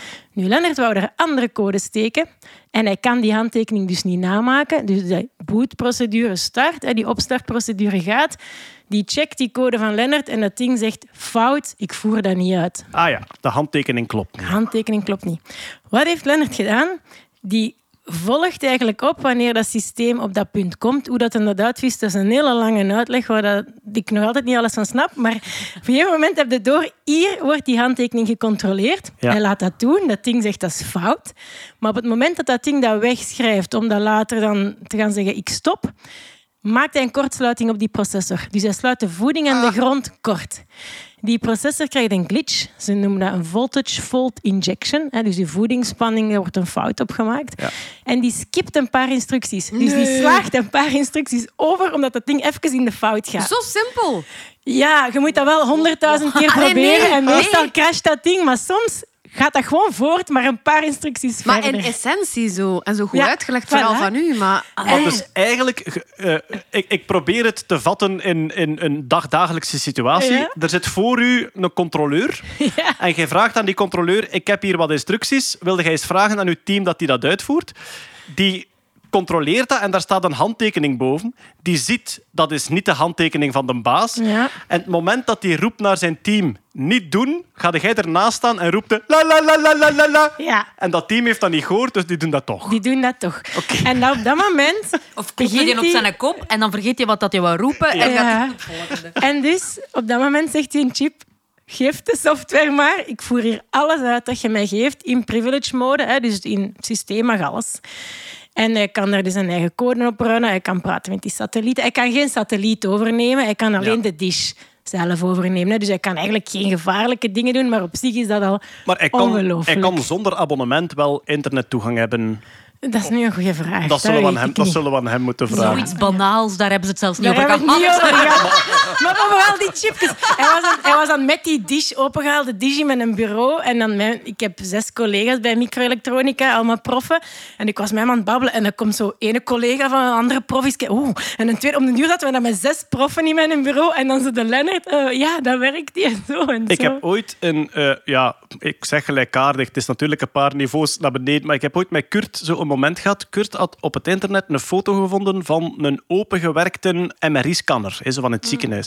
En heel die behuizing was eraf. En je zag al die gigantische magneten en al die sensoren. En wij zaten, dat was, ik denk op de redactie van De Schuur, het programma De Schuur van Scheire, wij zaten op een bepaald moment met vier naar een computerscherm, naar dat ding te kijken en zo te wijzen en te doen. En opeens viel er een pauze en zei Kurt, jongens, wij zijn met vier naar blote machines aan het kijken. wij, ja, wij zijn nu gewoon naar blote machines op het internet aan het kijken. En toen hadden we het idee, we gaan in plaats van de Playboy, gaan we de, de Playgeek uitbrengen. Gewoon Ja. een magazine vol blote machines. Eh, en dat is vergelijkbaar. Hè. Dus die Starlink is opengewerkt. Je ziet alles daarin zitten en je Ah, komt er allemaal naartoe om en die chipjes. Ja, en, ja, ja, eh. ja, ja. En het is gewoon zo zot. Lennart meldt dat dan, lang op voorhand, alleen niet deze week, maar voor eh, zes, of, ze- zes of negen maanden terug aan Starling. Van, ja, het is gehackt. Die hebben zo'n bounty-programma. voilà. hè. Hij is, hij is white hat hacker, hacker. dus hij, hij meldt alles wat hij vindt dat ze het kunnen fixen. Ja. Dus die mannen hebben dat door en hij heeft via de UART, de UART-poort, de seriële poort, binnengeraakt. En hij meldt dat allemaal, hoe dat hem dat gedaan heeft. En die mannen die doen remote een update van alle firmware van alle Starlings. En Ja. die, die eh, firmware-update, wat die eigenlijk doet, is die brandt een fuse, een zekering op alle Starlink-dishes door, waardoor dat je niet meer via die UART-poort binnen kunt. Normaal bij een software-update wordt uw software aangepast, maar, Maar, zij, hebben, hardware. maar zij hebben eigenlijk Hier- via de software echt iets door... Je, brandt eigenlijk een baantje in dat systeem door, waardoor een bepaalde connectie niet meer werkt. Allee. Maar Lennart had dan weer een ander poortje gevonden om binnen te raken. Dus hij kon het nog altijd hacken. En nu zegt Starling ook van... Ja, maar ja, we hebben een update gedaan. Nu is dat niet meer te hacken. En Lennart heeft zoiets van... Volgens mij Eh, moeten we een hardware-update doen of dat blijft een probleem. Maar dat is, dan nog, dat is nu dat is de volgende challenge waarschijnlijk. Nu, ik, ben, ik ben in de fabriek geweest waar ze de antennes maken, hè, waar ze de, de dishes assembleren. En dat is typisch zo'n Musk-fabriek. Geweldig rommelig, omdat alles wordt daar elke week aangepast. Dat wordt constant... Heel die productielijn moet rommelig zijn, want ze moeten op elk moment kunnen zeggen dat gaat eruit, nieuwe schakel erin. Dus als ik, als ik zo mijn, mijn indruk van toen, hun snelheid waarmee dat zij productie kunnen aanpassen, zou het mij niet verwonderen dat het effectief in die die nu geleverd wordt, dat het daar wel al... Maar eh, uw systeem ook hier, dat krijgt elke week een update van zijn software. Hè. Dus je die staat gewoon hier in de tuin, denk ik. Mijn hè. Starlink staat in Elke week ja. komt er nieuwe software op je systeem, remote Ah, oké. geïnstalleerd. Dus ja, ja, ja. dat wordt voortdurend aangepast. Maar dus hij had toegang, ik kon eigenlijk allerlei code runnen op de Starlink-satelliet. De vraag die de meeste hackers dan stellen is, heeft hij er Doom op gespeeld? Dat moeten we aan Lennart vragen. Want dat is, toch een dat is toch een beetje blijkbaar een dingetje onder hackers. Als je, iets, eh, als je ergens binnen bent, dan Moet moet je proberen om Doom te spelen. Dus we gaan het het vragen niet. aan, eh, aan eh, Len- Wat is zijn familienaam? Wouters. Lennart Wouters. Kijk, voilà. We graveren de naam in de Nerd Hall of Fame. Ja, vind ik wel. Ik heb hem al uitgenodigd voor eh, Nerdland Festival 23. Ah, is het echt? Ja, ja, oh, de ja. Max, stel je voor dat hij opkomt met zijn opengewerkte Starlink-satelliet. Ja, de- Hij ja. luistert ook, hè, blijkbaar. Ah, top. Ja, ja, hij is, hij Hey, Lennart. Ik, heb, ik heb nog iets gevraagd. Ik heb gezegd, Lennart, Musk fan of Musk Oh nee. En ik, dacht net, ik dacht net bij mezelf, Jeroen is hier niet. Dit wordt de Musk lofzang van het jaar. Ja, ik ben benieuwd. En, wat zegt hij? Het is genuanceerd zeker? Ja, maar ik heb gezegd dat dat niet mocht. Oh, oké. Ja, hij zei, als ik echt moet kiezen, ben ik toch fan voor het technische deel. Ja, ja, Hoera, dankjewel Lennart. Oké, voilà, kijk, Starlink Dish ge- gehardware hackt aan de KU Leuven. Eh, heel tof verhaal. Ja, het zou een aparte podcast kunnen zijn. Misschien bij de Nerdland Maker Talks of zo is onze aparte podcast van, van Kurt en eh, Maarten Wijn. Misschien dat er daar plek voor is. Er was heel veel te doen in Amerika over de vraag... Rijden Tesla's nu kinderen dood of niet? Amusloze zak. Ja. Ik, eh, wel, ik, Van hun eh, eigen of, of gewoon in het algemeen? Ik formuleer het niet heel grof. Het is ook zo grof gespeeld. Wat is er gebeurd? Dus Tesla doet om de zoveel tijd een upgrade van de full self-driving. hè. Dus de, de auto kan meer. Bijvoorbeeld, de mijne is nu onlangs geüpdate en die herkent nu verkeerslichten en verkeersborden. Dus als er normaal gezien eh, snelheidsbeperking wist die vanuit zijn GPS. Dus die wist op deze straat mogen zoveel. Nu kijkt hij naar de borden langs de weg. Dus als er nu een bord staat bij de werken hier mocht 30, dan ziet hij dat bord, dan past hij de maximumsnelheid aan. Ik mag hier maar 30. En pas als er het bord staat met zo'n wit bord met een eh, zwarte streep door, pas dan gaat hij terug naar de normale snelheid. Dus, eh, en bij de lichten ook. Hij kan zien of het licht rood of groen is. En hij geeft een... Hij rijdt nog niet zelf weg als het groen is, maar als het groen is, zegt hij... En dan weten dat je mocht wegrijden. Nu, full self-driving. Er komt veel kritiek op, omdat het is niet full self-driving. Full self-driving zou eigenlijk willen zeggen, je start op je NOF en je zegt naar dat adres en je doet niks. En daar zijn we nog heel ver van af. Waarom? Omdat die laatste stap eigenlijk gigantisch veel moeilijker is dan die eerste. De eerste stappen zijn simpel. Blijf tussen de lijntjes. Hou afstand van de auto voor u. De laatste stappen, het instinctmatig aanvoelen of de voorrang van rechts hier eigenlijk gegeven wordt of niet. Hè? Dat is zo... Het Vooral in België. voilà, hè. Dus de Belgische voorrang van rechts komt eigenlijk neer op voelt dit als de grootste weg van de twee of Ja, niet? ja, dat is zo. Voilà. Grootste dus- weg voorrang. ja, en dus dat, allee, dat lukt nog helemaal niet. Maar ze noemen het wel full self-driving en daar komt veel kritiek op. Ze hadden nu een nieuwe upgrade. Er is blijkbaar een gigantische tegenstander van Tesla en Musk. Ik ben zijn naam kwijt. Ik denk dat het ook een, een eh, politieker is. Bessels. ja, nee, het is, het is zo, ja, de Dawn of zo. Ja, ik weet het niet eens. Ik ga het moeten opzoeken. Die is een actieve campagne begonnen. Een reclamecampagne. Alles wordt gecommuniceerd via reclameblokken in Amerika. Een reclamecampagne tegen die full self-driving. En hij toonde een filmpje. Een Tesla in full self-driving zal een kind op de weg niet herkennen en daarover rijden. Nu, voor mij klonk dat heel raar, omdat ik weet dat hij heel veel dingen ziet en daarvoor stopt. Ehm, er zijn allerlei Tesla-eigenaars testen beginnen doen en die auto's deden dat niet. Oei, ja, ik, ja, ik denk hetzelfde. Oké, Hoe test het dan? met, met poppen, hè. ja, ja. Dus met poppen en met dingen. Oh, er, zijn er, er zijn er ook een paar, en eh allee, ik ben compleet niet akkoord, maar die hebben dus gradueel testen gedaan en, En die, zijn zelfs, die hebben zijn zelfs geëindigd met hun eigen kinderen op de weg. Oh, nee. Maar dan zijn het toch wel echt een believer. Dan zijn de, dan zijn de, want, nee, dat zijn de flipkonijn eigenlijk. hè. Ik bedoel, allee, zo, zo moet je geen punt, maar dat is absoluut niet nodig. Maar wat bleek? Die Tesla stoppen wel. En dan hebben ze dat filmpje herbekeken van die mens die dat doet. Wat heeft hij gedaan? Project. Hoe heet hij? De Dawn Project. Ah, Dawn. Dus Dawn is zijn familienaam. En het is een, ik denk, politieker ondernemer. En de Dawn Project is een soort manier om... Ja, eigenlijk wil hij Tesla te gronden richten, denk ik. Dan hebben ze gekeken naar dat filmpje van de Dawn Project. Wat heeft hij gedaan? Die heeft een hele nauwe route afgezet met kegeltjes. En een Tesla is erop geprogrammeerd om niet over de kegels te gaan. Net zoals een volle witte lijn. Omdat ja, meestal is kegels langs de weg een indicatie van er zijn werken of zo. Heel gevaarlijke situatie.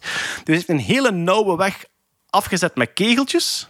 Heeft dan een, een pop van een meter groot ongeveer. Heeft hij dan... eh, Dan O'Dowd. O'Dowd. Ah ja, dus de man die het gedaan heeft, heet Dan O'Dowd. Familienaam O-D-O-W-D. Eh, en hij is... Eigenlijk dood. Ah ja, hij is... ja, Dood. Hij is- dood. CEO van, hij is CEO van een concurrerend bedrijf. En dus, ze hebben dat filmpje geanalyseerd. Wat doet hij? Die zet de Tesla in manuele modus, dus geen self-driving. Die eh, bouwt zijn snelheid op tot 80 per uur. En dan zo dicht mogelijk tegen het kindjespopje gaat hij over naar full self-driving en knalt hij erover. Dus het is, zo, het is nu ook zo'n soort wel eens niet is geworden in Amerika. En natuurlijk, die zotten die dan met hun eigen kinderen bewijzen dat het niet zo is, die krijgen ook natuurlijk vol de wind van voor. Dus het is gek genoeg, gek genoeg, in het Amerika vandaag is het gepolariseerd geraakt. Jeetje. Dat zou kunnen dat gebeuren. eigenlijk het land van de nuance en de common ground is. Eh, goed. Dus dat was de grote Tesla-rel daar. Blijkbaar, ja, die O'Dowd wordt nu ook beschuldigd van het is zuiver om je eigen concurrentiepositie te versterken enzovoort. Zwart. Tesla heeft binnenkort zijn AI Day. Daar zijn ze vorig jaar mee gestart. AI Day kun je een beetje zien als een ja, State of the Union of een soort tonen van wat kan het bedrijf op dit moment. De vorige was blijkbaar heel technisch inhoudelijk. Dus het doelpubliek is niet Ja, de ja. eindklant. Het doelpubliek is echt een beetje people of the industry en de mensen die geïnteresseerd zijn in eh, wat er allemaal gebouwd wordt. Het ging toen vooral over de AI-systeem. Het is ook om eh, mensen te, te lokken die bij Ah, hen ja. willen komen werken. Hè. Ja, werving. Geweldig belangrijk in elke technische discipline. Ja. Ook die van onze sponsor, maar daar zullen we het straks Amai. eh, Ja. over hebben. Dus de Tesla AI Day, de tweede editie, stond normaal voor augustus gepland. Die is uitgesteld naar 30 september. En er wordt gezegd, die is uitgesteld omdat ze tegen dan een werkend prototype willen hebben van die hulprobot. Die, hoe heet hij? Optimus? Denk ik. Ik denk het, ja. Ja, ehm, En kan hij ook een eh, truc worden als hem... eh, ja, wie weet. Vorige keer op de AI-days, op het einde, hebben ze dan zo dat manneke in een robotpak laten opkomen, gewoon om te zeggen dat van... was heel triestig, hè. Dat was heel, heel, heel gek. Ja. Ja, Optimus. ja. Heel die een AI-day was trouwens ook zo wat... Ze hadden wat gordijnen hangen in de refter. En Ja. ik vond dat, ja, a very low production value. Maar goed, eh, toen hebben ze gezegd, we gaan dat bouwen. En ze, ze willen nu blijkbaar een werkend prototype tonen. En ik ben heel benieuwd. Niet zozeer naar, amai, ik ben benieuwd, het gaat fantastisch zijn. Ik ben heel benieuwd of dat ze goed weten welke expectations dat ze nu... Ja, als je het al uitstelt, met, dan gaan we iets Ja, tonen. en iedereen heeft vorig jaar zo 3D-renders gezien van very sleek, shiny white humanoid manneke. Als ik hoor working prototype, ja, voor hetzelfde geld is dat... Ja, draadjes die Maar ja, is dat een, een computerbak op twee wielen met heel veel kabels en twee metalen armen die eruit komen? Dat kan best zijn. kan. Dus ik ben sowieso benieuwd wat dat ze gaan lanceren, maar ik ben ook heel benieuwd wat de reactie gaat zijn van het brede publiek als dat blijkbaar toch allemaal een beetje tegenvalt. Ja, we zullen wel zien. Maar goed, Jeroen is er niet, dus wauw, Musk, fantastisch. Wat heeft hij weer gepresteerd? Ongelooflijk zeg, Tesla, wat een bedrijf.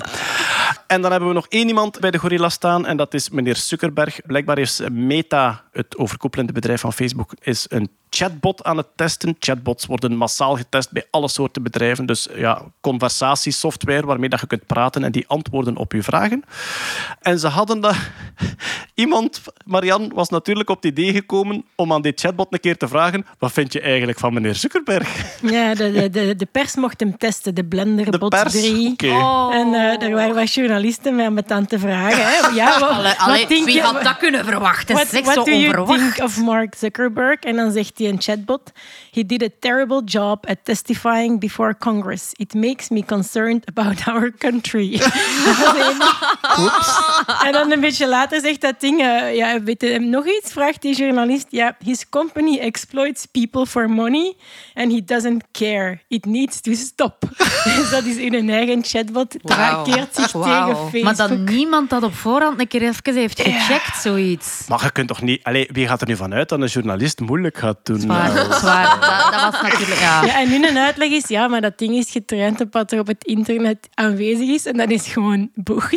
Ja, dat staat van alles op. Hè. Ah ja, tuurlijk. Maar ja, als je dat traint... En als je Dus traint eigenlijk een racistische, vervelende, Ja, ze hadden dan- ellendige, ze hadden ook nog gevraagd, wat vinden van Donald Trump? En dat ding zei... Onze grote leider.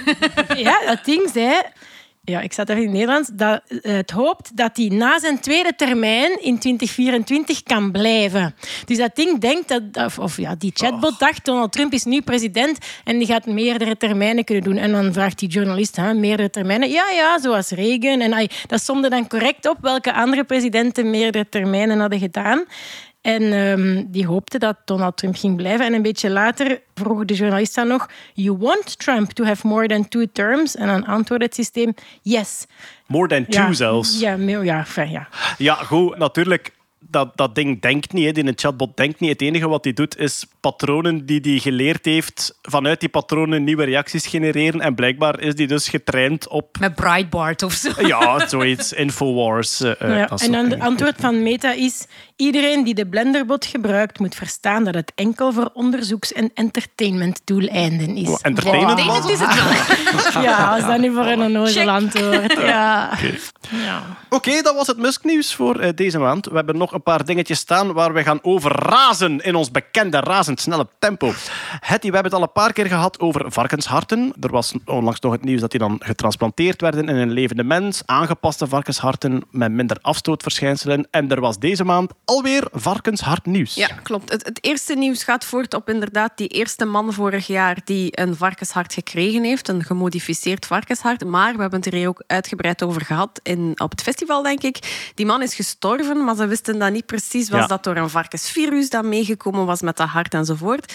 Wat ze nu gedaan hebben, is eigenlijk opnieuw die gemodificeerde varkensharten getransplanteerd in mensen die al overleden waren, maar die nog aan de beademing lagen. Dus hersendood, Hersendode ja, het mensen. lichaam werkt nog maar. Klopt. Ja. En dan ja, hebben ze eigenlijk een veel beter systeem om, om bloedstalen te nemen, om weefsels te onderzoeken. Dus dat is, dat is een vervolg daarop. Dat, is, dat, dat, dat loopt.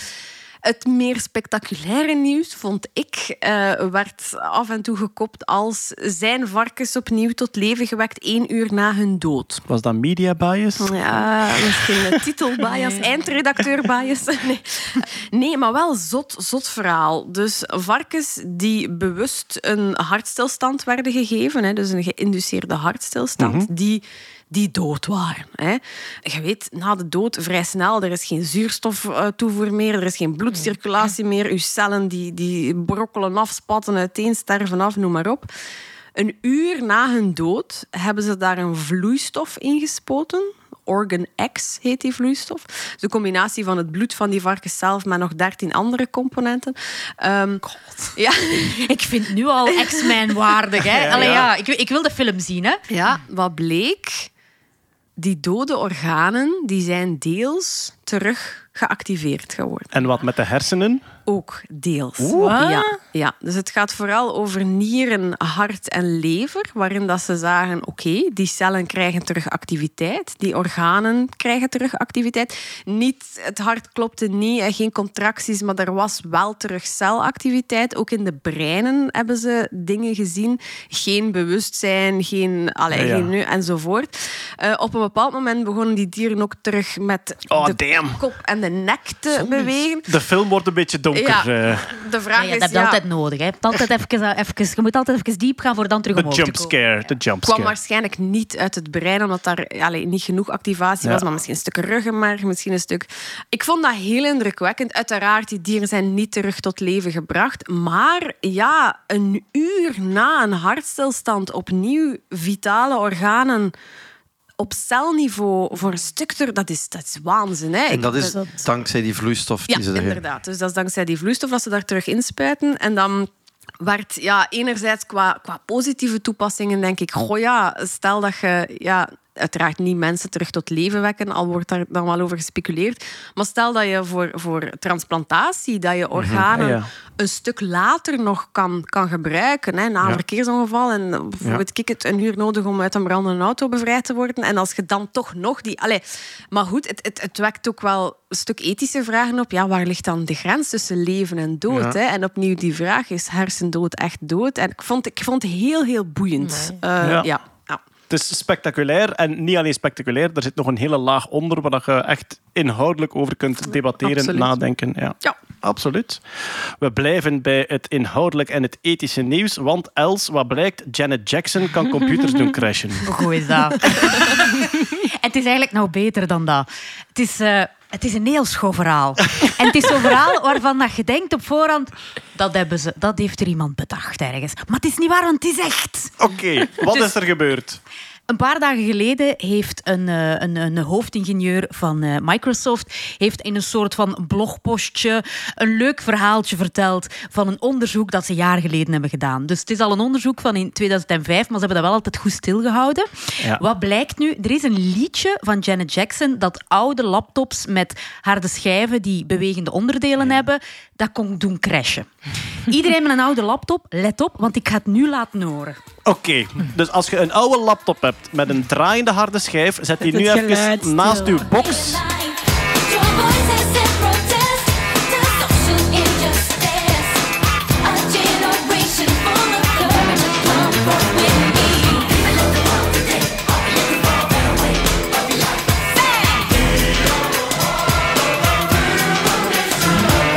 Dat is dus Rhythm Nation. Oké, En dat is uit 89. En daar zit dus blijkbaar een frequentie in met een golf die hetzelfde is als de frequentie van zo'n draaiende harde schijf van één bepaalde soort de draaiende eigen, harde de schijf. eigen frequentie. Ja, ja. Waardoor dat die zo twee golven die op elkaar komen te liggen, die vergroten dan en die, die Constructieve interferentie. voilà, ja, en die crasht dan die Ah, computer. Eigen frequentie is iets geweldig belangrijk in engineering. Ehm, het komt eigenlijk neer op. eh, ik denk het duidelijkste voorbeeld is als je een gitaarsnaar hebt en je speelt de muzieknoot van die gitaarsnaar zelf. Hè. Dus als je tegen een solsnaar een luide sol speelt, dan gaat die meetrillen.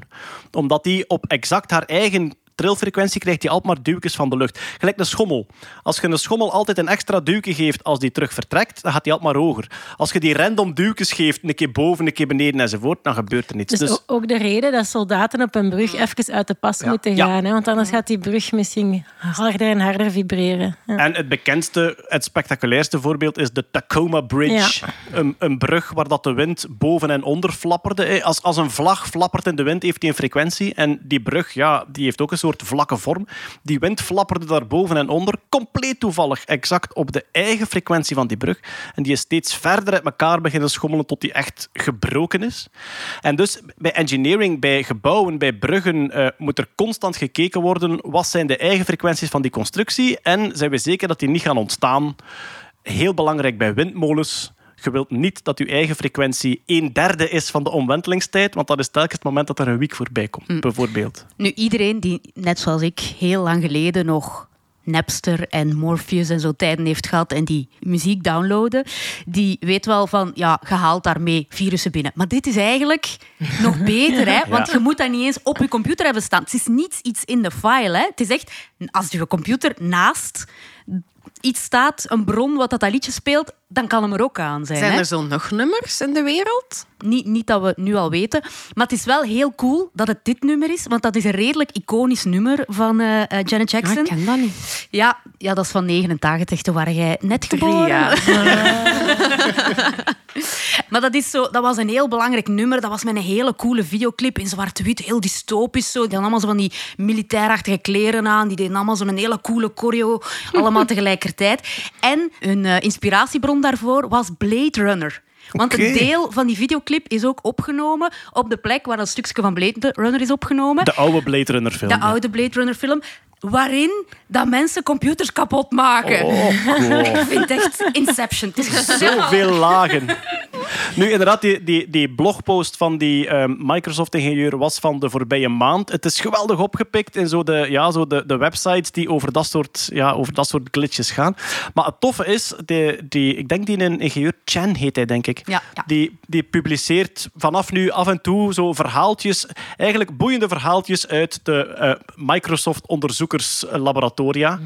En dat is dus echt, ja, zij leveren hun software aan heel veel dragers, heel veel laptopproducenten enzovoort. En zij krijgen dan vragen terug. Dus de laptopproducent zegt, kijk, wij, wij merken hier gaat iets fout, zoeken jullie dat eens uit. Maar zij zaten daar dus te onderzoeken op welk stuk van ons besturingssysteem reageert er nu op de nulletjes en de eentjes van deze muziekfile. En hij zegt, hun frank is gevallen toen ze het nummer afspeelden op één laptop en die ernaast crashte. En dan dachten ze, oké, het zijn de geluidsgolven. En hebben ze inderdaad gevonden, ja, die eigen frequenties van een brug, die gaan dan over, ja, één schokje om de twee seconden. Dit zijn dan hele kleine trilfrequenties van kleine Ja, onderdelen. Ik heb ooit eens gelezen, de kop van een harde schijf die zo ronddraait, hè, Ja. die komt, ik weet niet hoeveel nanometer, maar zo dicht bij een harde schijf, alsof dat je een Boeing 747 op een paar millimeter van de aarde zou laten scheren. Dat is de verhouding. Dus ja, het minste schokje dat je hebt, ja, crasht dat ding kapot. Ik vind dat ongelooflijk dat we daar laptops konden mee maken met bewegende harde schijven. Dat je daar gewoon kon ja. mee rondlopen terwijl dat, dat opstond. Ja. Dat is toch crazy? Ja, ja, ja. We hebben zotte dingen gedaan, jong. Jong, jong, jong, jong, jong, Maar ja, jong, jong, die jong. chipprofessoren hebben alles kapot gemaakt. Hè. Wij maken alleen maar solid state. Oké, nog dramatisch nieuws eh, uit de ruimte dit keer. Natta, wat blijkt? De maan drijft sneller van ons weg dan vroeger. Yes, ja, we wisten eigenlijk al dat de maan van ons wegbeweegt. Dat is eh, onder de invloed van de getijden en de zwaartekracht die we op elkaar uitoefenen. En behoud van impulsmoment. Ik kan daar heel lang over uitweiden, maar we gaan gewoon aannemen. De maan Zet het op je Twitter. drijft... Ik ga het op Twitter zetten. De maan drijft van ons weg met een snelheid van... Of, of met een afstand van 3,8 centimeter per jaar nu. Inderdaad, wordt gemeten met een spiegel. hè. Er ligt een spiegel op de maan. De en er laser. wordt een laserstraal vanuit Amerika naar de spiegel Er gestuurd. ligt een spiegel op de doen maan. dan een keer- Effectief. Sinds 1972 dan eigenlijk al. Ja, Ja, ja, ja. Ze hebben, eh, met, de- met drie bemande missies hebben ze er een meegenomen en nog een paar rovers hebben ook wat Er moet toch spiegels stof op liggen intussen. Ja, dat is een goed, dat is een goed punt. Maar dus Hmm. af en toe wordt er, wordt er een, een laserpuls eh, geschoten. En dus ja, die is dan pingen. Die is een paar seconden onderweg, denk ik. Hè. Dus dan schieten ze omhoog naar beneden. En het aantal milliseconden dat die onderweg is, kunnen ze tot op de millimeter weten hoe ver dat de maan van Ja. ons is. Elk jaar vier centimeter meer. Ja. Ja, dus dat wist wel. Maar dan zijn we... Allee, er was een heel groot mysterie, want als we gaan terugrekenen... eh, wetenschappers denken dan van oké, en, en als we nu verder allee, terug de tijd in gaan, kunnen we, kunnen we zien wanneer de maan eigenlijk allee, van ons is afgeschoten. Want de maan was ooit onderdeel van de aarde en eh, is dan door een, door een impact eigenlijk afgebrokkeld van ons en Een de maan. druppel aarde. Ja. Maar als ze dan gaan terugrekenen, komen ze uit op... Ah, de maan zat naast de aarde op anderhalf miljard jaar geleden. Volgens wat wij weten is de maan van ons afgerukt 4,4 miljard jaar geleden. Dus er zit ergens een heel groot verschil tussen van... Allee, hoe kan dat nu precies? Maar omdat dat met de getij te maken heeft, hebben wetenschappers nu gedacht van... Oké, misschien moeten we terug gaan kijken naar hoe die continentale drift is gebeurd. Want de invloed Ah. van de maan op ons merken wij heel hard in de getijden. En die getijden gaan eigenlijk inwerken op, op de aarde, die sneller ronddraait dan de maan rond ons draait. En die trekt een beetje tegen, waardoor de aardrotatie afneemt. En dat is de reden waarom de maan van ons afdraait. En dan zijn ze gaan denken, oké, maar vroeger hadden we bijvoorbeeld het supercontinent, eh, Pangea. En zelfs daarvoor was de aarde eigenlijk een, een waterwereld. Ja. En als ze dat gaan meenemen in de berekeningen, dan klopt dat wel. Dus het mysterie is opgelost als we de continentale drift meepakken. Dus de, de, continent, de continenten zijn een soort, zoals de golfbreker pier, die voor extra storing Basically, zorgen. Ja, ja, ja, die zorgen voor de frictie. Ah, Ja. oké. En omdat de aardrotatie afneemt en het impulsmoment minder wordt, wordt dat Ja. bij de maan groter en drijft die af. Dus de aardrotatie neemt af, heeft ermee te maken. Ja. Hè. De, ik denk eh, bij de dinosaurussen, ik spreek nu wel ja, bij de dino's, nu spreek ik over een periode van eh, eigenlijk langer dan sinds de laatste dino uitgestorven Ja, is. en zelfs Ja. langer dan de continentendrift. Ja, ja. Dus dat vind ik altijd Ah. zot. Ja, ja. Dus er, er zijn dino's geweest toen het nog Pangea Ja, ja, was. ja. Daardoor Ja. vinden we Klopt. sommige soorten over heel de wereld terug. Maar dan zijn er ook geweest die, ja, die pas of die maar op één enkel continent. De Ja. T-Rex zeker zit alleen in Amerika, denk Ja. ik. Die was de Ja, meest ja. recente. Hè. Was, was zot, bij de meest recente is toch 60 zot miljoen jaar dat geleden. die- Ja, dat is, dat is maf. Ja. Maar ja, dus ik denk van 250 miljoen jaar geleden tot 60 miljoen jaar geleden. Dus bijna 200 miljoen jaar dino's en ze zijn nog maar 60 miljoen Ja. jaar weg. Ja. Wat, was, Ja. wat was het wat ik onlangs las? Dat dino's hebben zo lang bestaan dat zelfs toen er dino's waren, waren er al fossielen van dino's. Ah ja, die ouder zijn dan de T-Rex. Ja, zo grappig. Die ouder zijn dan de Ah, ja. T-Rex-fossielen van nu. Nu, van nu. Ah, Ja. ja. Maar ik vind ook, als je die zo naast elkaar zet en je ziet dan zo, welke zijn de oudste en, en de jongste dan eigenlijk, dat die oud, die zijn ook zo wat ruwer en zo wat groffer en zo wat, hè, maar zo een bol met poten Maar aan is dat zo, niet omdat de fossielen gewoon een stuk minder gedetailleerd zijn overgebleven van die oudste? Nee, ik denk dat die ook zo... Ja, dat die, dat die een beetje... die zijn wel wat meer in Dat waren zo meer zo die stegosaurussen en zo. zo We van vragen die... het aan Melanie. Melanie Ja, Turing, ja, ja, onze ja. favoriete paleontologe op Twitter. Ook een toffe quizvraag. Waarom hebben er nooit dino's op de top van de Mount Everest gelopen? Die was er nog Die niet. bestond nog niet. De Mount Everest bestond nog Zo, niet. jong. Ah ja, oeh. Deze is diep. Dus misschien hebben er wel dino's op de top van de Mount Everest gelopen. Nee, op het stuk land dat Ah ja, misschien... dat dan de ja, top geworden is. Ja. Ja. Maar zoals je al zei, de aarde draait steeds trager. Dus als we, Ja. ik denk, als we 100 miljoen jaar teruggaan, was een dag 23 uur in plaats van 24. En is stond een- de maan een pak dichterbij. Ja, er is een mysterie, Nathan. De laatste jaren draait de aarde sneller om haar as. En het is dus, wij hebben om de zoveel tijd schrikkelseconden, hè, omdat de aarde trager draait en over een, over een heel lange tijd cumuleert dat tot één seconde achterstand op de eh, sterrenstand. Die schrikkelseconde, de laatste, is geleden van 2016, denk ik. En wat blijkt? De aarde is een beetje aan het versnellen. En dat is op het eerste zicht onverklaarbaar, omdat dan zou er extra energie moeten komen van ergens enzovoort. En er wordt nu gezocht naar hoe kan dat nu eigenlijk, dat de aarde versnelt. Er was even een theorie doordat de grote ijskappen aan het afsmelten zijn, dat de eh, verdeling verandert. Hè. Zoals een ijsschaatser die zijn armen uitsteekt of bij elkaar houdt. Ah, ja. Alleen de ijskappen liggen op de polen, dus die veranderende verdeling zou het net Ja. moeten doen vertragen. En het versnelt. En er wordt nu gedacht aan, het zou kunnen te maken hebben met luchtstromen in de atmosfeer of in de oceanen, omdat er is ja, het volledige draaimoment van het systeem aarde, eh, oceanen en atmosfeer is één ding. Dus als uw atmosfeer, als de massadraaiing in uw atmosfeer verandert, zou dat ook invloed moeten hebben op uw aarde. Maar ze weten het dus nog niet. De aarde draait een beetje sneller de laatste tijd. Er wordt zelfs gezegd, als het eh, als het aan de huidige evolutie voortgaat, dat we over zeven of acht jaar een negatieve schrikkelseconde Ah, nee. zijn. Ja, want we hadden het vorige keer over de Googles die wilden Ja, dat ja, af. ervan af, En hè. vlak daarna kwam dat nieuws van ja, Ja. misschien gaan we binnenkort... Ja, in- ja. Misschien is Google de aarde aan het versnellen. Ze zouden het heel doen als het kon. Ja, ja, ja, voilà. Oké, Hetty, we hebben een overlijdensbericht. Het is gelukkig wel in de pers geweest, maar goh, niet immens groot, dus we moeten het absoluut nog vernoemen. Ja, er is toch één van de grote kalibers van de Belgische wetenschap en misschien wel het grootste kaliber van de Belgische genetica is de voorbije maand overleden en dat is Cassiman. Ja, Jean-Jacques Cassiman. Grondlegger, denk ik, eh, in, in België van onder andere het, ehm, hoe heet het, eh, het Centrum instituut? voor menselijke genetica. Ja. Is het Ja. ja. ja. Voilà. Wie was hij? Hoe is hij begonnen aan zijn carrière? Oh. We hebben geen uur, al, hadden, al, al verdiende hij veel meer dan dat. Ja, maar absoluut. Nee, inderdaad. Hè. Genetica, menselijke erfelijkheid. En ook vond ik voor een heel groot stuk een zeer begaafd wetenschapscommunicator. Ik Ja. denk dat heel veel mensen hem in het nieuws of in de krant wel gezien hebben. lezingen ook. In, de dorp, hij ging Echt, naar de ja. dorpszaal. Als Ja. wereldautoriteit stond hij in en de niet dorpszaal. voor het geld of de fles wijn of de pralines, maar echt om... Nee, hij heeft dat letterlijk altijd gezegd van ik wil gewoon die kennis bij de mensen brengen en ik wil dat ze, dat ze weten.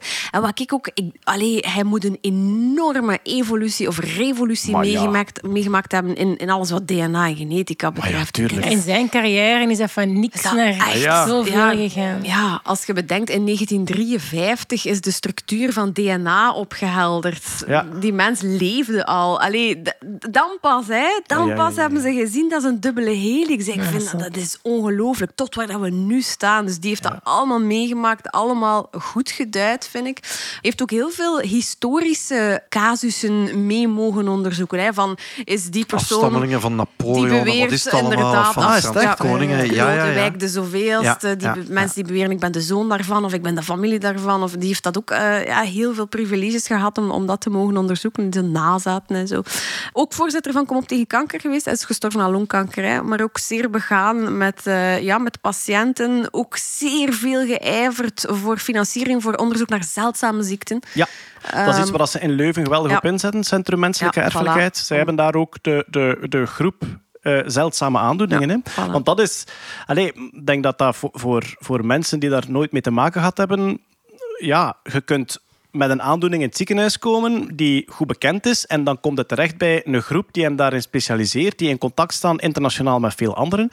Als jij een aandoening hebt die één op een miljoen mensen treft, ja, er is waarschijnlijk zelfs niemand die er fulltime zijn carrière Nee. aan gewijd heeft. Nee, laat Ja. staan bedrijven die naar medicatie zoeken. Ja. Allee, nee, totaal, totaal niet. Dat zijn de zogenaamde weesziekten hè, soms. Die, eh, dus ja. En zij groeperen die dan in één groep die eigenlijk proberen te ijveren voor eh, ja, aandacht voor die zeldzame aandoeningen. Ik heb hem één keer ontmoet. Een zeer, eh, ja, zeer amabel man. Maar ik denk mediagewijs en misschien ook bij mij een beetje overschaduwd. Hij is op dezelfde dag overleden als Caroline Pauwels. eh Ex-rector van, van de VUB. En oh, vind ik toch ook een ongelooflijk verlies. Een ongelooflijk straffe dame. ehm, op, op een ander vlak, uiteraard. Maar eh, ja, op dezelfde dag overleden. Dus, Ja.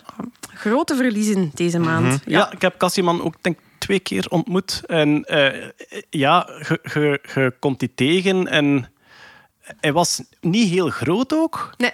Ehm, hij had een eeuwige glimlach in mijn ogen. Hè. Dus hij had in een donkere baard en daar stond eh, een glimlach tussen. Er, er was echt connectie. Je kunt wereldautoriteiten hebben in de wetenschap die naast u kijken. Hij had u altijd zien staan. En je kon daar een babbel mee doen. Ja, zoals dat ik het zei, hij ging als wereldautoriteit in de parochiezaal de uitleg gaan Ja. doen, omdat die bewustwording voor hem zo belangrijk was. Ik kan me ook wel voorstellen, als je de genetica meegemaakt hebt, de menselijke genetica, dat je al heel vroeg door had in zijn geval, dit wordt maatschappelijk zo belangrijk dat we hier een beetje moeten de mensen wakker schudden. ook, was ook niet zo'n hele grote voorstander, denk ik, van zo de grootschalige DNA-onderzoeken om, om zo moordenaars of seriemoordenaars op te sporen. Maar ja, goed. eh, ja, nee, enorm veel, eh, ja, enorm veel meegemaakt. En echt, vind ik heel verdienstelijk dat hij maar bleef eh, ja. duiden, duiden, duiden. Vind ik ongelooflijk. Voilà, kijk, voor wie hem niet kent, zoek het zeker op. Er zijn heel veel overzichten van zijn leven en zijn carrière verschenen. En we zetten ze in de show notes Wie gaat natuurlijk. dan nu de genetica moeten duiden eigenlijk? Het hè? Nee, Ah, lieve, ja. lieve. nee. Ik ben klaar. Ik heb het gehad. Ja, Ja, ja. Dus Hoe lang heb jij daarmee getoerd? Ja, zeg. het boek is er, de voorstelling is er. Er komt dit najaar nog een VTM-programma over DNA. En dan kan die genetica mij gestolen worden. Ze komt mijn strot uit. Dan ga ik naar de Artificial Intelligence. En eh, dan zien we wel wat er daar gebeurt. Toch nog een eh, chipnieuwsje, Marian. Dat, eh, dat ons opgevallen was, dat u opgevallen was vooral. Een eh, computerpoort kan minimale energie verbruiken. Misschien even, ja, het moment dat mensen het hebben over energieverbruik, als je warmte opwekt, als je een, een kookpot op het vuur zet, ja, je hebt gewoon per definitie dat, ja, dat aantal kilowattuur nodig om dat warm te krijgen. Eh, als je je licht aansteekt, ook.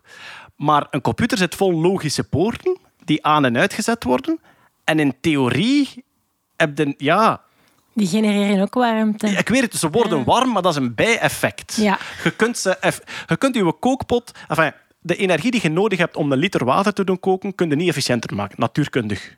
Ja. De energie die je nodig hebt om logische berekeningen te doen, eigenlijk wel, met ook een paar limieten natuurlijk. hè. Ja, en jij bent een natuurkundige. Wat je eigenlijk doet, als je een logische berekening doet, moet je zaken van 0 naar 1 veranderen of Ja. van 1 naar 0. Dat doet je computer.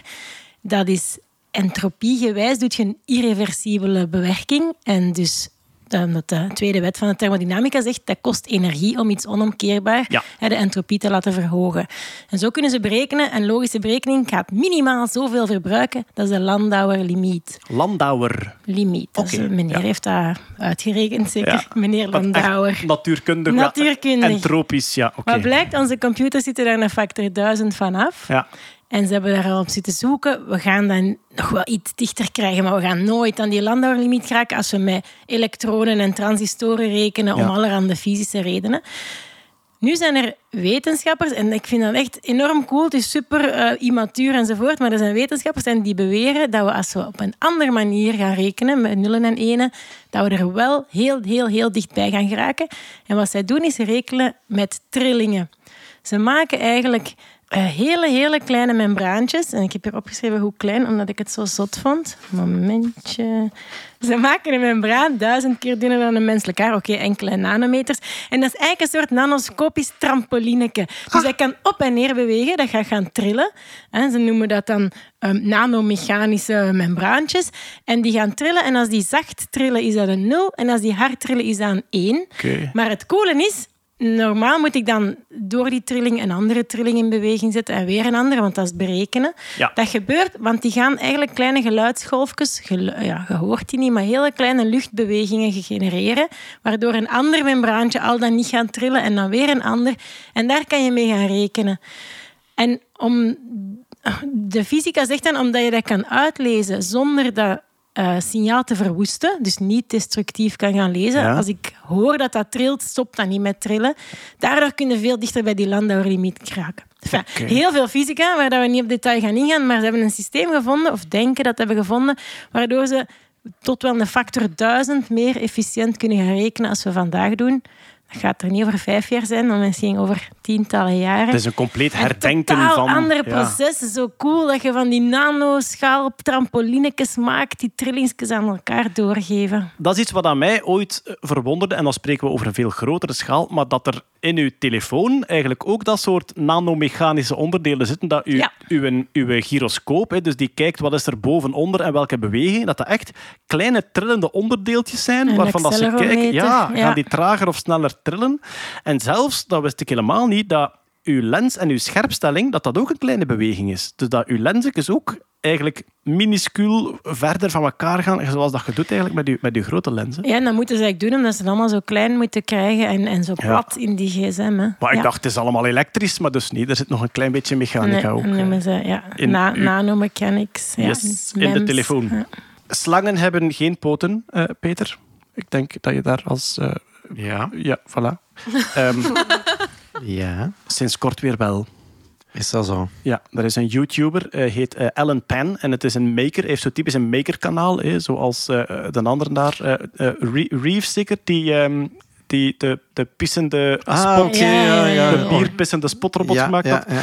Alan Pan was, hij had iets gefilmd met een slang en hij was beschuldigd van dierenmishandeling. En hij zei, ik ga het goed maken, ik ga slangen hun poten teruggeven. Dus wat heeft hij gebouwd?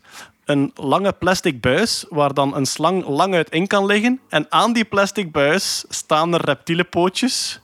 En dus hij kan dan effectief rondstappen met de slang. En het ziet er geweldig uit. What, what could go wrong? La- laat- laten we zo nog duimen geven, kom aan.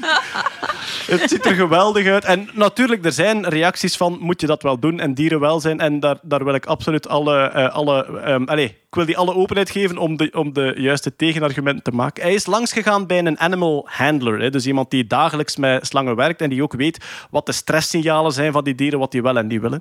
En daar heeft hij toch, eh, ja, na een klein beetje zoeken, een manier gevonden om met voedsel dan een slang lang uit in die buis te laten liggen. En dan is hij daarmee beginnen rondstappen en opeens zie je een soort komodo-varaan die rondstapt. En die, die slang heeft echt een tijdje op haar gemak gelegen. Die, hen- die animal handler ziet dat ook, hè, wanneer dat ze op haar gemak is. En die lag even op haar gemak rond te stappen. En enfin, ik vond het zo een heerlijke combinatie van onnozelheid en eh, maker skills, dat ik het wel heel tof vond. Ellen Pan te vinden op YouTube. En we zetten het natuurlijk ook eh, in de show notes. Dat Als, hem, eh, als het niet tof is met slangen eh, en dan maakt hij iets groter, dan wil ons kat daar wel komen in. Die heeft pootjes, maar die gebruikt hij niet zo graag. En dan nog één nieuwsje dat vandaag binnengekomen is, 25 augustus dus. Er is overal droogte in de wereld. Er zijn rivierbeddingen die steeds lager komen te staan. Wat kwam er plotseling boven in de Paluxy River in Texas? Dinosporen. En dan echt zo van die drietenige dinopoten van een halve meter lang, met dan ook nog een keer die drie klauwsporen vooraan erin. Het ziet er waanzinnig cool uit. Ze, staan ook, ze zijn ook overal te vinden op video online en in, in de show notes. Het is blijkbaar een rivier die bekend staat om haar dinosporen, de Paluxy River. Maar er zijn er nu dus boven gekomen die nog nooit gezien waren, omdat ze onder water zaten. En we zijn zeker dat er niet een of andere heel Billy met grote botten met dingen onder eh, door de rivier is gaan lopen. Dat zou wel cool Allee, zijn. ja, Ja, Ze zijn versteend, hè. dus het zijn echt versteende oké, dinosporen. en Daarom dat ze ook maar heel traag door die rivier weg, eh, ja, eh, eigenlijk wegslijten.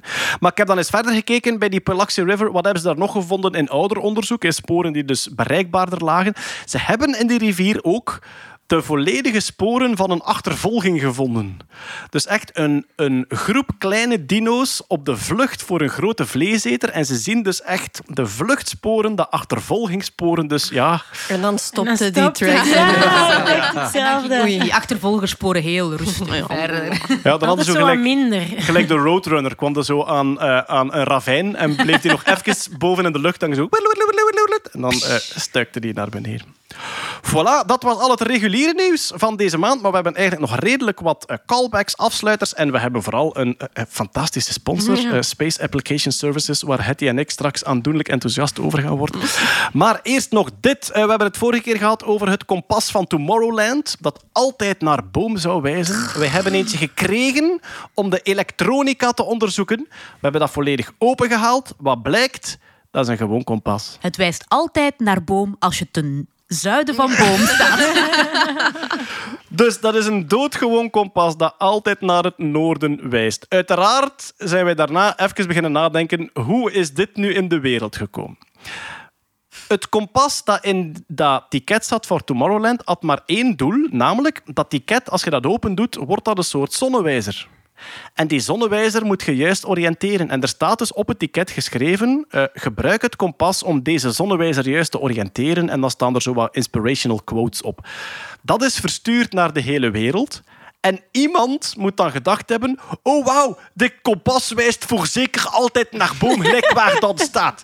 Cool. En dat is opgepikt door een journalist. eh, ja, Ja, het is media bias. Het is waar. Ja, het is waar. het is meer- zo. Het is, het, deze is media bias. Het is meer dan media bias. Het, het kwam vanuit het niets en het is gepubliceerd als iets dat echt was. En dan zijn eigen leven beginnen leiden. En kijk, wij zijn er ook ingetrapt. Maar goed, we, we zijn op onderzoek getrokken. Eh, we hebben het opengeprutst en het blijkt dus gewoon naar het Maar- maar wat ik ben afvraag- de mensen van Tomorrowland hebben niet aan ons gezegd, het, dat klopt niet. Die hebben gezegd, hier is een kompas, Ja, het maar uit. Ja, die zijn mee- Ja. meegegaan in dat verhaal. Ja. Ik weet niet of, dat, of dat ze dat al grinnikend gedaan hebben. dat, dat kan ik moeilijk inschatten. Maar we hebben nu wel heel veel ideetjes om het wel een bepaalde kant te laten uitwijzen. Dus misschien mogen we volgend jaar... we zullen ze allemaal Nerdland opsturen. Festival. Ja, we zullen ze allemaal opsturen en we zullen... Ja, sowieso kunnen we een tutorial online zetten. Er hebben ons wel berichten bereikt van mensen die daardoor een weddenschap verloren hebben. Oei. Dus eh, ja, ik heb Ja, hier heel wij- hard te doen met die. Wij geloofden het die ook, eh, sorry daarvoor. Eh, Kurt die had vroeger op zijn werk had hij zo een Harry Potter klok gemaakt die altijd wees naar waar iemand was. De sluipwijzer. Ja, dus die hadden... Nee, nee, nee, nee, dat was de klok, de klok bij de Wemels. Die zei van... Die Ah, waar dat iedereen... Ja. Ja. Ah, ja, ja, ja. Dus die hadden gewoon hun eh, GPS-locatie via een app in een telefoon gedeeld met hun eigen serverke. En dan zat er een berekening in die klok. En dus, ja, ja, ja. Dus die zaten op het werk, eh, eh, vliegwerk heette dat denk ik. En die zaten op het werk te wachten en die zagen aan de pijlen waar dat iedereen was. En dan had hij afgekapt. Ja, dat, is, dat, dat vind ik het schoonste aan Makerpower. Hè. Mensen die dat soort dingen kunnen bouwen omdat ze alle onderdelen en alle software kennen om, om dat te doen. Privacy, schmivacy. Het, was, het draaide op hun eigen server. Hè. Dus eh, er zat- er zaten geen eh, buitenlandse mogendheden tussen. Wat hebben we nog in de mailbox gehad? We hebben een tijdje terug gepraat over de lekenglossie. En wat was de lekenglossie? Eh, dat was een idee van een Nederlandse onderzoeker die zei: Kijk, eh, ik heb mijn doctoraat afgewerkt. Ik schrijf daar nu een een wetenschappelijke publicatie van. Maar ik zou graag hebben dat mijn vrienden en familie eh, ook weten waar ik mee bezig was. En die zei kijk, ik ga een soort toegankelijk wetenschapscommunicatie ding schrijven dat duidelijk uitlegt wat ik aan het doen ben. En zij noemde dat de lekenglossie. Misschien nog leuk om te vermelden, de originele lekenglossie, het originele idee, was van dokter Lisa van der Aert. Ook te vinden op Twitter als Lisa van der Aert. We hebben het daar hier over gehad in de podcast.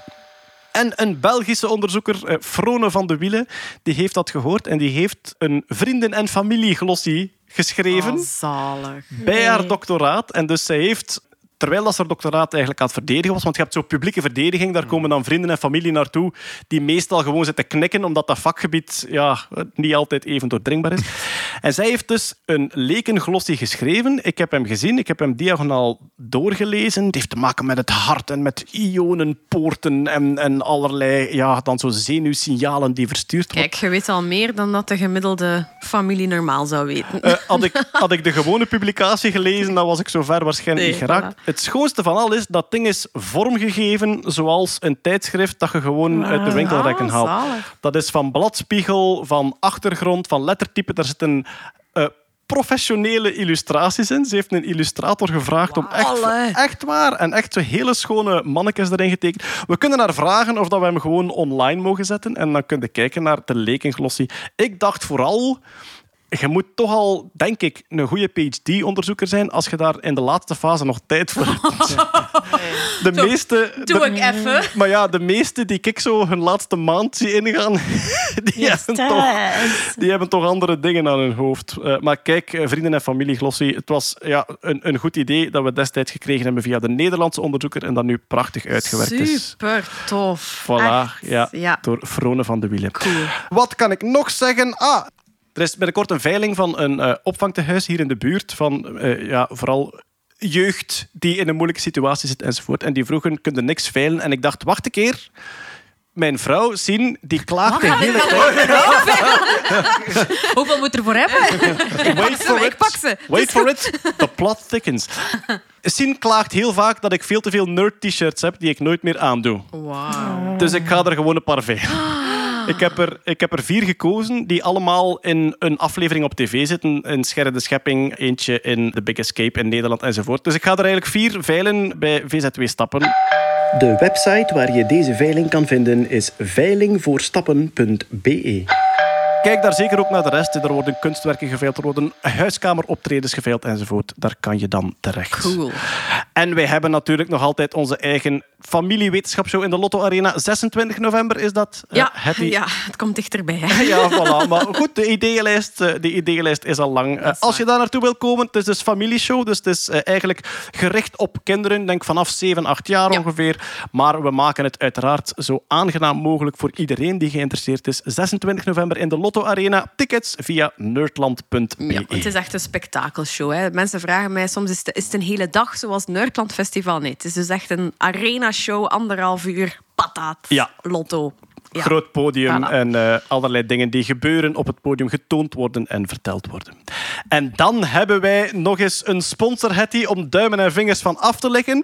Eh, eerst het droge gedeelte, namelijk hun naam. Space Applications Services. En vanaf dan begint het spektakel. We hebben het hier over een Belgisch bedrijf, gevestigd in Zaventem en nog een paar andere locaties.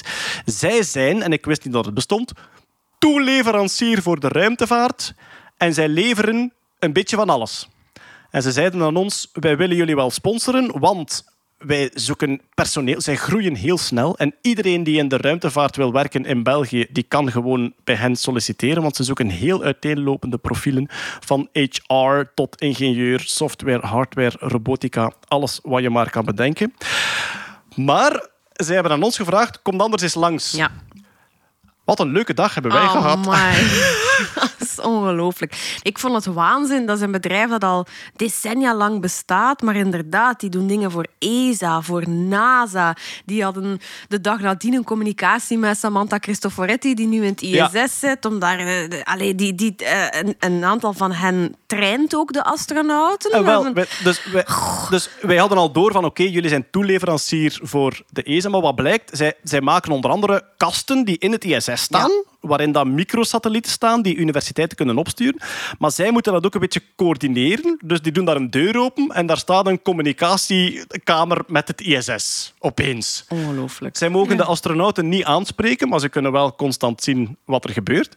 En dan zitten we nog even aan tafel na te praten en iedereen stelt zich voor en iemand zegt, goeiedag, eh, ik ben astronautentrainer bij de ESA.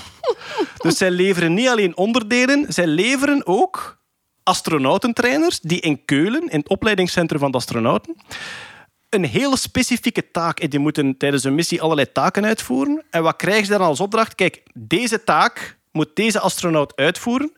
Jij moet nu een maand lang studeren, zodanig dat jij in anderhalf uur dat zo efficiënt mogelijk kunt uitleggen aan die astronaut. En dus dat is de job astronautentrainer. Ja. Hun vorige astronautentrainer zijn ze helaas kwijt. Ja. Die is vertrokken, want die is getrouwd met Samantha Cristoforetti. dus ja, wij kwamen op die benedenverdieping en opeens reed er een maanrobot over ons Ja, heen. ja, van ja, we zijn hier aan het meedoen aan een, eh, aan een wedstrijd om eh, ja, een missie om water op de, of de stenen op de, ik weet niet meer wat dat was. En dan, we zijn in de laatste ronde geraakt. Ja, ja. Maar echt waanzin dat dit in België kan, zit en dat niemand weet wie dat Ja, er zijn. Dat vind ik ongelooflijk. Dat is Maar- ongelooflijk. Niet alleen in België, op een steenweg, letterlijk tussen twee autogarages en een slaapwinkel. Ja.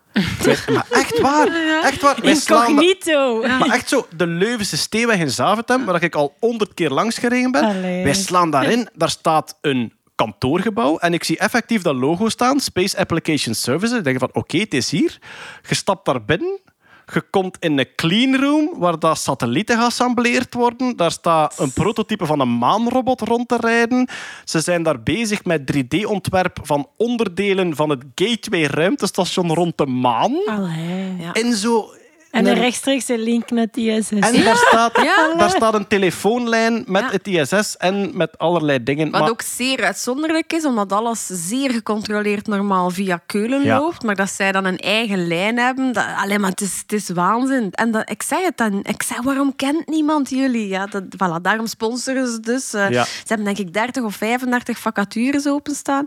ze groeien immens. ja. Eh, vooral door die new space. Hè. Ja. Eh, ruimtevaart was vroeger een eh, ja, eh, grote instituten ehm, die georganiseerd werden door de overheid, die alles organiseerden. En het idee van New Space is heel veel publiek-private samenwerking, heel veel ehm, ruimte voor ondernemerschap. En zij als toeleveranciers, ja, zij krijgen heel veel vragen nu. Ook omdat zij zo een variëteit aan dingen leveren, van, van de hardware tot de, de menselijke trainers die zij eigenlijk aanleveren aan die industrie. En zij zeggen, wij groeien zo snel dat onze personeelinstroom constant moet zijn. Ja, en ook, ze, ze dienen in voor heel veel projecten en voor heel veel eh, missies. Die winnen dat ook allemaal, maar ze hebben dan geen volk genoeg om dat ook effectief uit te voeren. En ook zo die, die bottom-up mentaliteit. We zijn daar in die cleanroom geweest en er is zo'n gast die zei, ja, is bricolage. Ik heb dat hier in mijn garage gedaan en nu zit dat hier in de cleanroom en volgende maand zit dat in de ruimte. Zo echt zo Ja, dat wel. knutselen, dat, dat oh, ferm, Dat is hetgeen dat toen, dat is hetgeen dat hij toen zei, Ja. die, die een ja, ingenieur dan in de cleanroom, die zei van ja, alles wat dat groot Ja. en duur en vooral alles wat grote oplagen is, daar zijn andere bedrijven voor. Maar hij toonde aan ons, hij zei van kijk, dit is een nieuwe connector. Dit is een nieuwe connector voor nieuwe mediakabels. De, de media en het filmen, dat ding hangt vol camera's ook, hè. maar dat verandert constant. En hij zei van ja, er moest een adapter komen van het een stuk naar het ander. Eén stuk. Niemand maakt dat. Voilà, Ja. dus doen wij dat. Ja. En dan zit het dus... Maar dus, voor iedereen die luistert en geïnteresseerd is, dit kan uw job zijn. Vanaf volgende maand. Je zit in een cleanroom en je moet zelf zoeken hoe ga ik die contacten nu met elkaar verbinden. Je moet de hardware, de behuizing, alles zelf maken. Het was een stuk van de behuizing dat hij zei... Ja, ik heb hier in die cleanroom niet genoeg grief daarvoor. Ik ga die behuizing maken in mijn garage. En ik ga dan achteraf hier wel testen of dat alles klopt en clean genoeg is. En dan breng ik het binnen. En dus een stuk dat hij gevreesd heeft in zijn garage hangt binnenkort in TSS.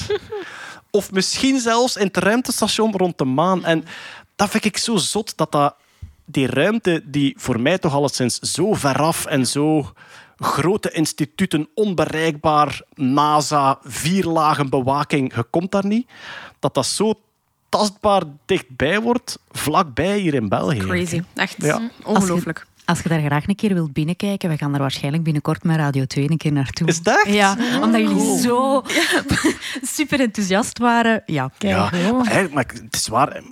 Ik zit nu te denken, ze zouden een open deurdag moeten doen, maar dat is effectief maar een kantoorgebouw groot. hè. Je Mm. kunt daar gewoon niet binnen met een groep. Er is misschien nog één iets, want we kunnen, allez, we kunnen er Ja, echt, echt ja. wel lang over doorgaan. Ze zeggen op een bepaald moment van ja, hiernaast zijn we een nieuwe ruimte aan het installeren. Compleet nieuw zijn we een nieuwe ruimte aan het installeren. Dat is een eigen idee waar, dat, we op aan het werken zijn. Wat is dat eigen idee? Dat zijn losse units met twee robotarmen die constructies kunnen bouwen in de ruimte die in verschillende leveringen toekomen. Dus je levert een eerste raket vol met driehoekige panelen. En die robotarmen nemen dat zelf vast en zetten dat samen, dat paneel zo, dat paneel zo.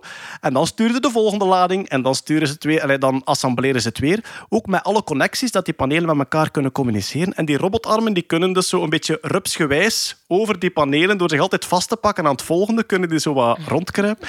En ze zeiden van, ja, kijk, we hebben, dat, we hebben dat ontwikkeld, we hebben dat ontworpen. Ze hadden daar een paar tussenstukken, een paar nieuwe sluitingen voor gemaakt. Patenteerd ook. Ja, en gepatenteerd. En nu is het moment om dat te testen. Dus zijn ze zo een grote kooi aan het bouwen, waar dat ze met grote elastieken een beetje zero-G kunnen maken. En Dat dus, maken ze allemaal zelf. Ja. ja, en dus tof. waarschijnlijk over een paar maanden hangt er een zelf-assemblerende ruimterobot zichzelf te testen in Zaventem. Ja. Leuk. Ja. Ik las ook nog in een documentatie dat ze niet alleen natuurlijk werknemers zoeken, maar dat ze ook soms stagestudenten verwelkomen. Ja, Kan inderdaad, stages. Ja. de jobstudent, ja, jobstudent is nu misschien wat, maar Ja, ze, hebben, ze hebben elk jaar stages die je daar kunt doen. Ja. Dus je kunt daar ook als student eh, gaan. En Studenten zijn blijkbaar heel, heel, heel tevreden over die stages, hè, zeiden Ja, ze. Maar ja, natuurlijk, voorstellen. waar zit dat daar? Dat is echt maf. uw boterhammen opeten naast een ISS-communicatie. Ik was ook verwonderd over het spectrum aan profielen dat zij zoeken. Het spreekt voor zich dat zij software, mechanica, robotica, dat ze dat, dat, ze dat zoeken, maar ook de echte makers, de R&D's, de, de, dat soort skills. Zelfs biowetenschappen ook. bioscience hè. zoeken Ja, ze ook, ja. omdat er steeds meer onderzoek wordt naar plantengroei ook in de ruimte. Ja. En HR dus ook. Ehm, Ze hebben een recruiter ook nodig. Recruiters, voilà. Ja. Multiplication effect. Ze waren ook bezig met space law. Ja. Dus je kunt zelfs als rechtenstudent kun je de opleiding ruimterecht volgen en dan bij hen ook terecht kunnen. Dus goed, eh, iedereen naar die website spaceapplications.com en daar staat eh, sowieso alles op. En ja, hun belangrijkste reden om te sponsoren is een beetje onze reactie, Hetty. Waarom kent niemand dit? Ja. Dit is super cool. Ze komen hoogstwaarschijnlijk ook naar het volgende festival. Hè? Laat ons hopen. Ja. Festival. Als ze daar met een maanrobotje kunnen komen Amai. rondrijden. Voor ons niet gelaten. We zullen het zo zeggen. maar hè. af. Strom, Stromae heeft een robothond. Ah, die hadden wij ook al. Dus uiteindelijk, Oh. ja, voilà. Kijk, ja. Je gaat zien. Als wij een maanrobot hebben op ook Festival, voilà, dan gaat Stromae ook een maanrobot hebben. Gaat dat zien. Dus eh, spaceapplications.com, eh, ga daar zeker gaan kijken. Naambekendheid, eh, daarvoor hebben ze gesponsord. Maar dus vooral voor personeel. Dat klopt ook. Wij zijn daar tien nationaliteiten tegengekomen. Ja. Dus zij hebben zoveel volk nodig dat zij... Enfin, Maar nee, ze zijn zeer bekend in het buitenland. Voilà. Mensen komen van heinde en verre bij hen merken. Maar Vlaanderen en Brussel en Wallonië, dat is, dat is een stuk Mhm. moeilijker. Dat is gek, hè? En dat, dan denk ik, dat is toch spijtig. Met, allee, met Ja. de bouwercultuur die wij echt wel hebben hier. Je kunt in België in de ruimtevaart werken, vlak bij huis soms. En nu moeten ze mensen gaan zoeken in het buitenland om de juiste posities in te vullen. Voilà, spaceapplications.com, allen daarheen. En dan hebben we alles gehad voor vandaag. En dan ga ik jullie natuurlijk allemaal hartelijk bedanken om hier aanwezig geweest te zijn. Hetty Helsmoortel. Met veel plezier. Natta Kerkhoff. Ajustries. Els Dag. Marian Verels Salutjes. en Peter Berg. Graag tot de volgende keer. Dag. En toch nog iets van ons, vanuit de montage, namelijk onze nieuwe scheurkalender is klaar. De scheurkalender, de Nerdland scheurkalender 2023, die is klaar. En vanaf 5 september is die te koop in de winkel of op nerdland.be. Dus een Nerdland scheurkalender met elke dag een wetenschappelijk weetje, een geschiedkundig technisch nerdy dingetje of een puzzel.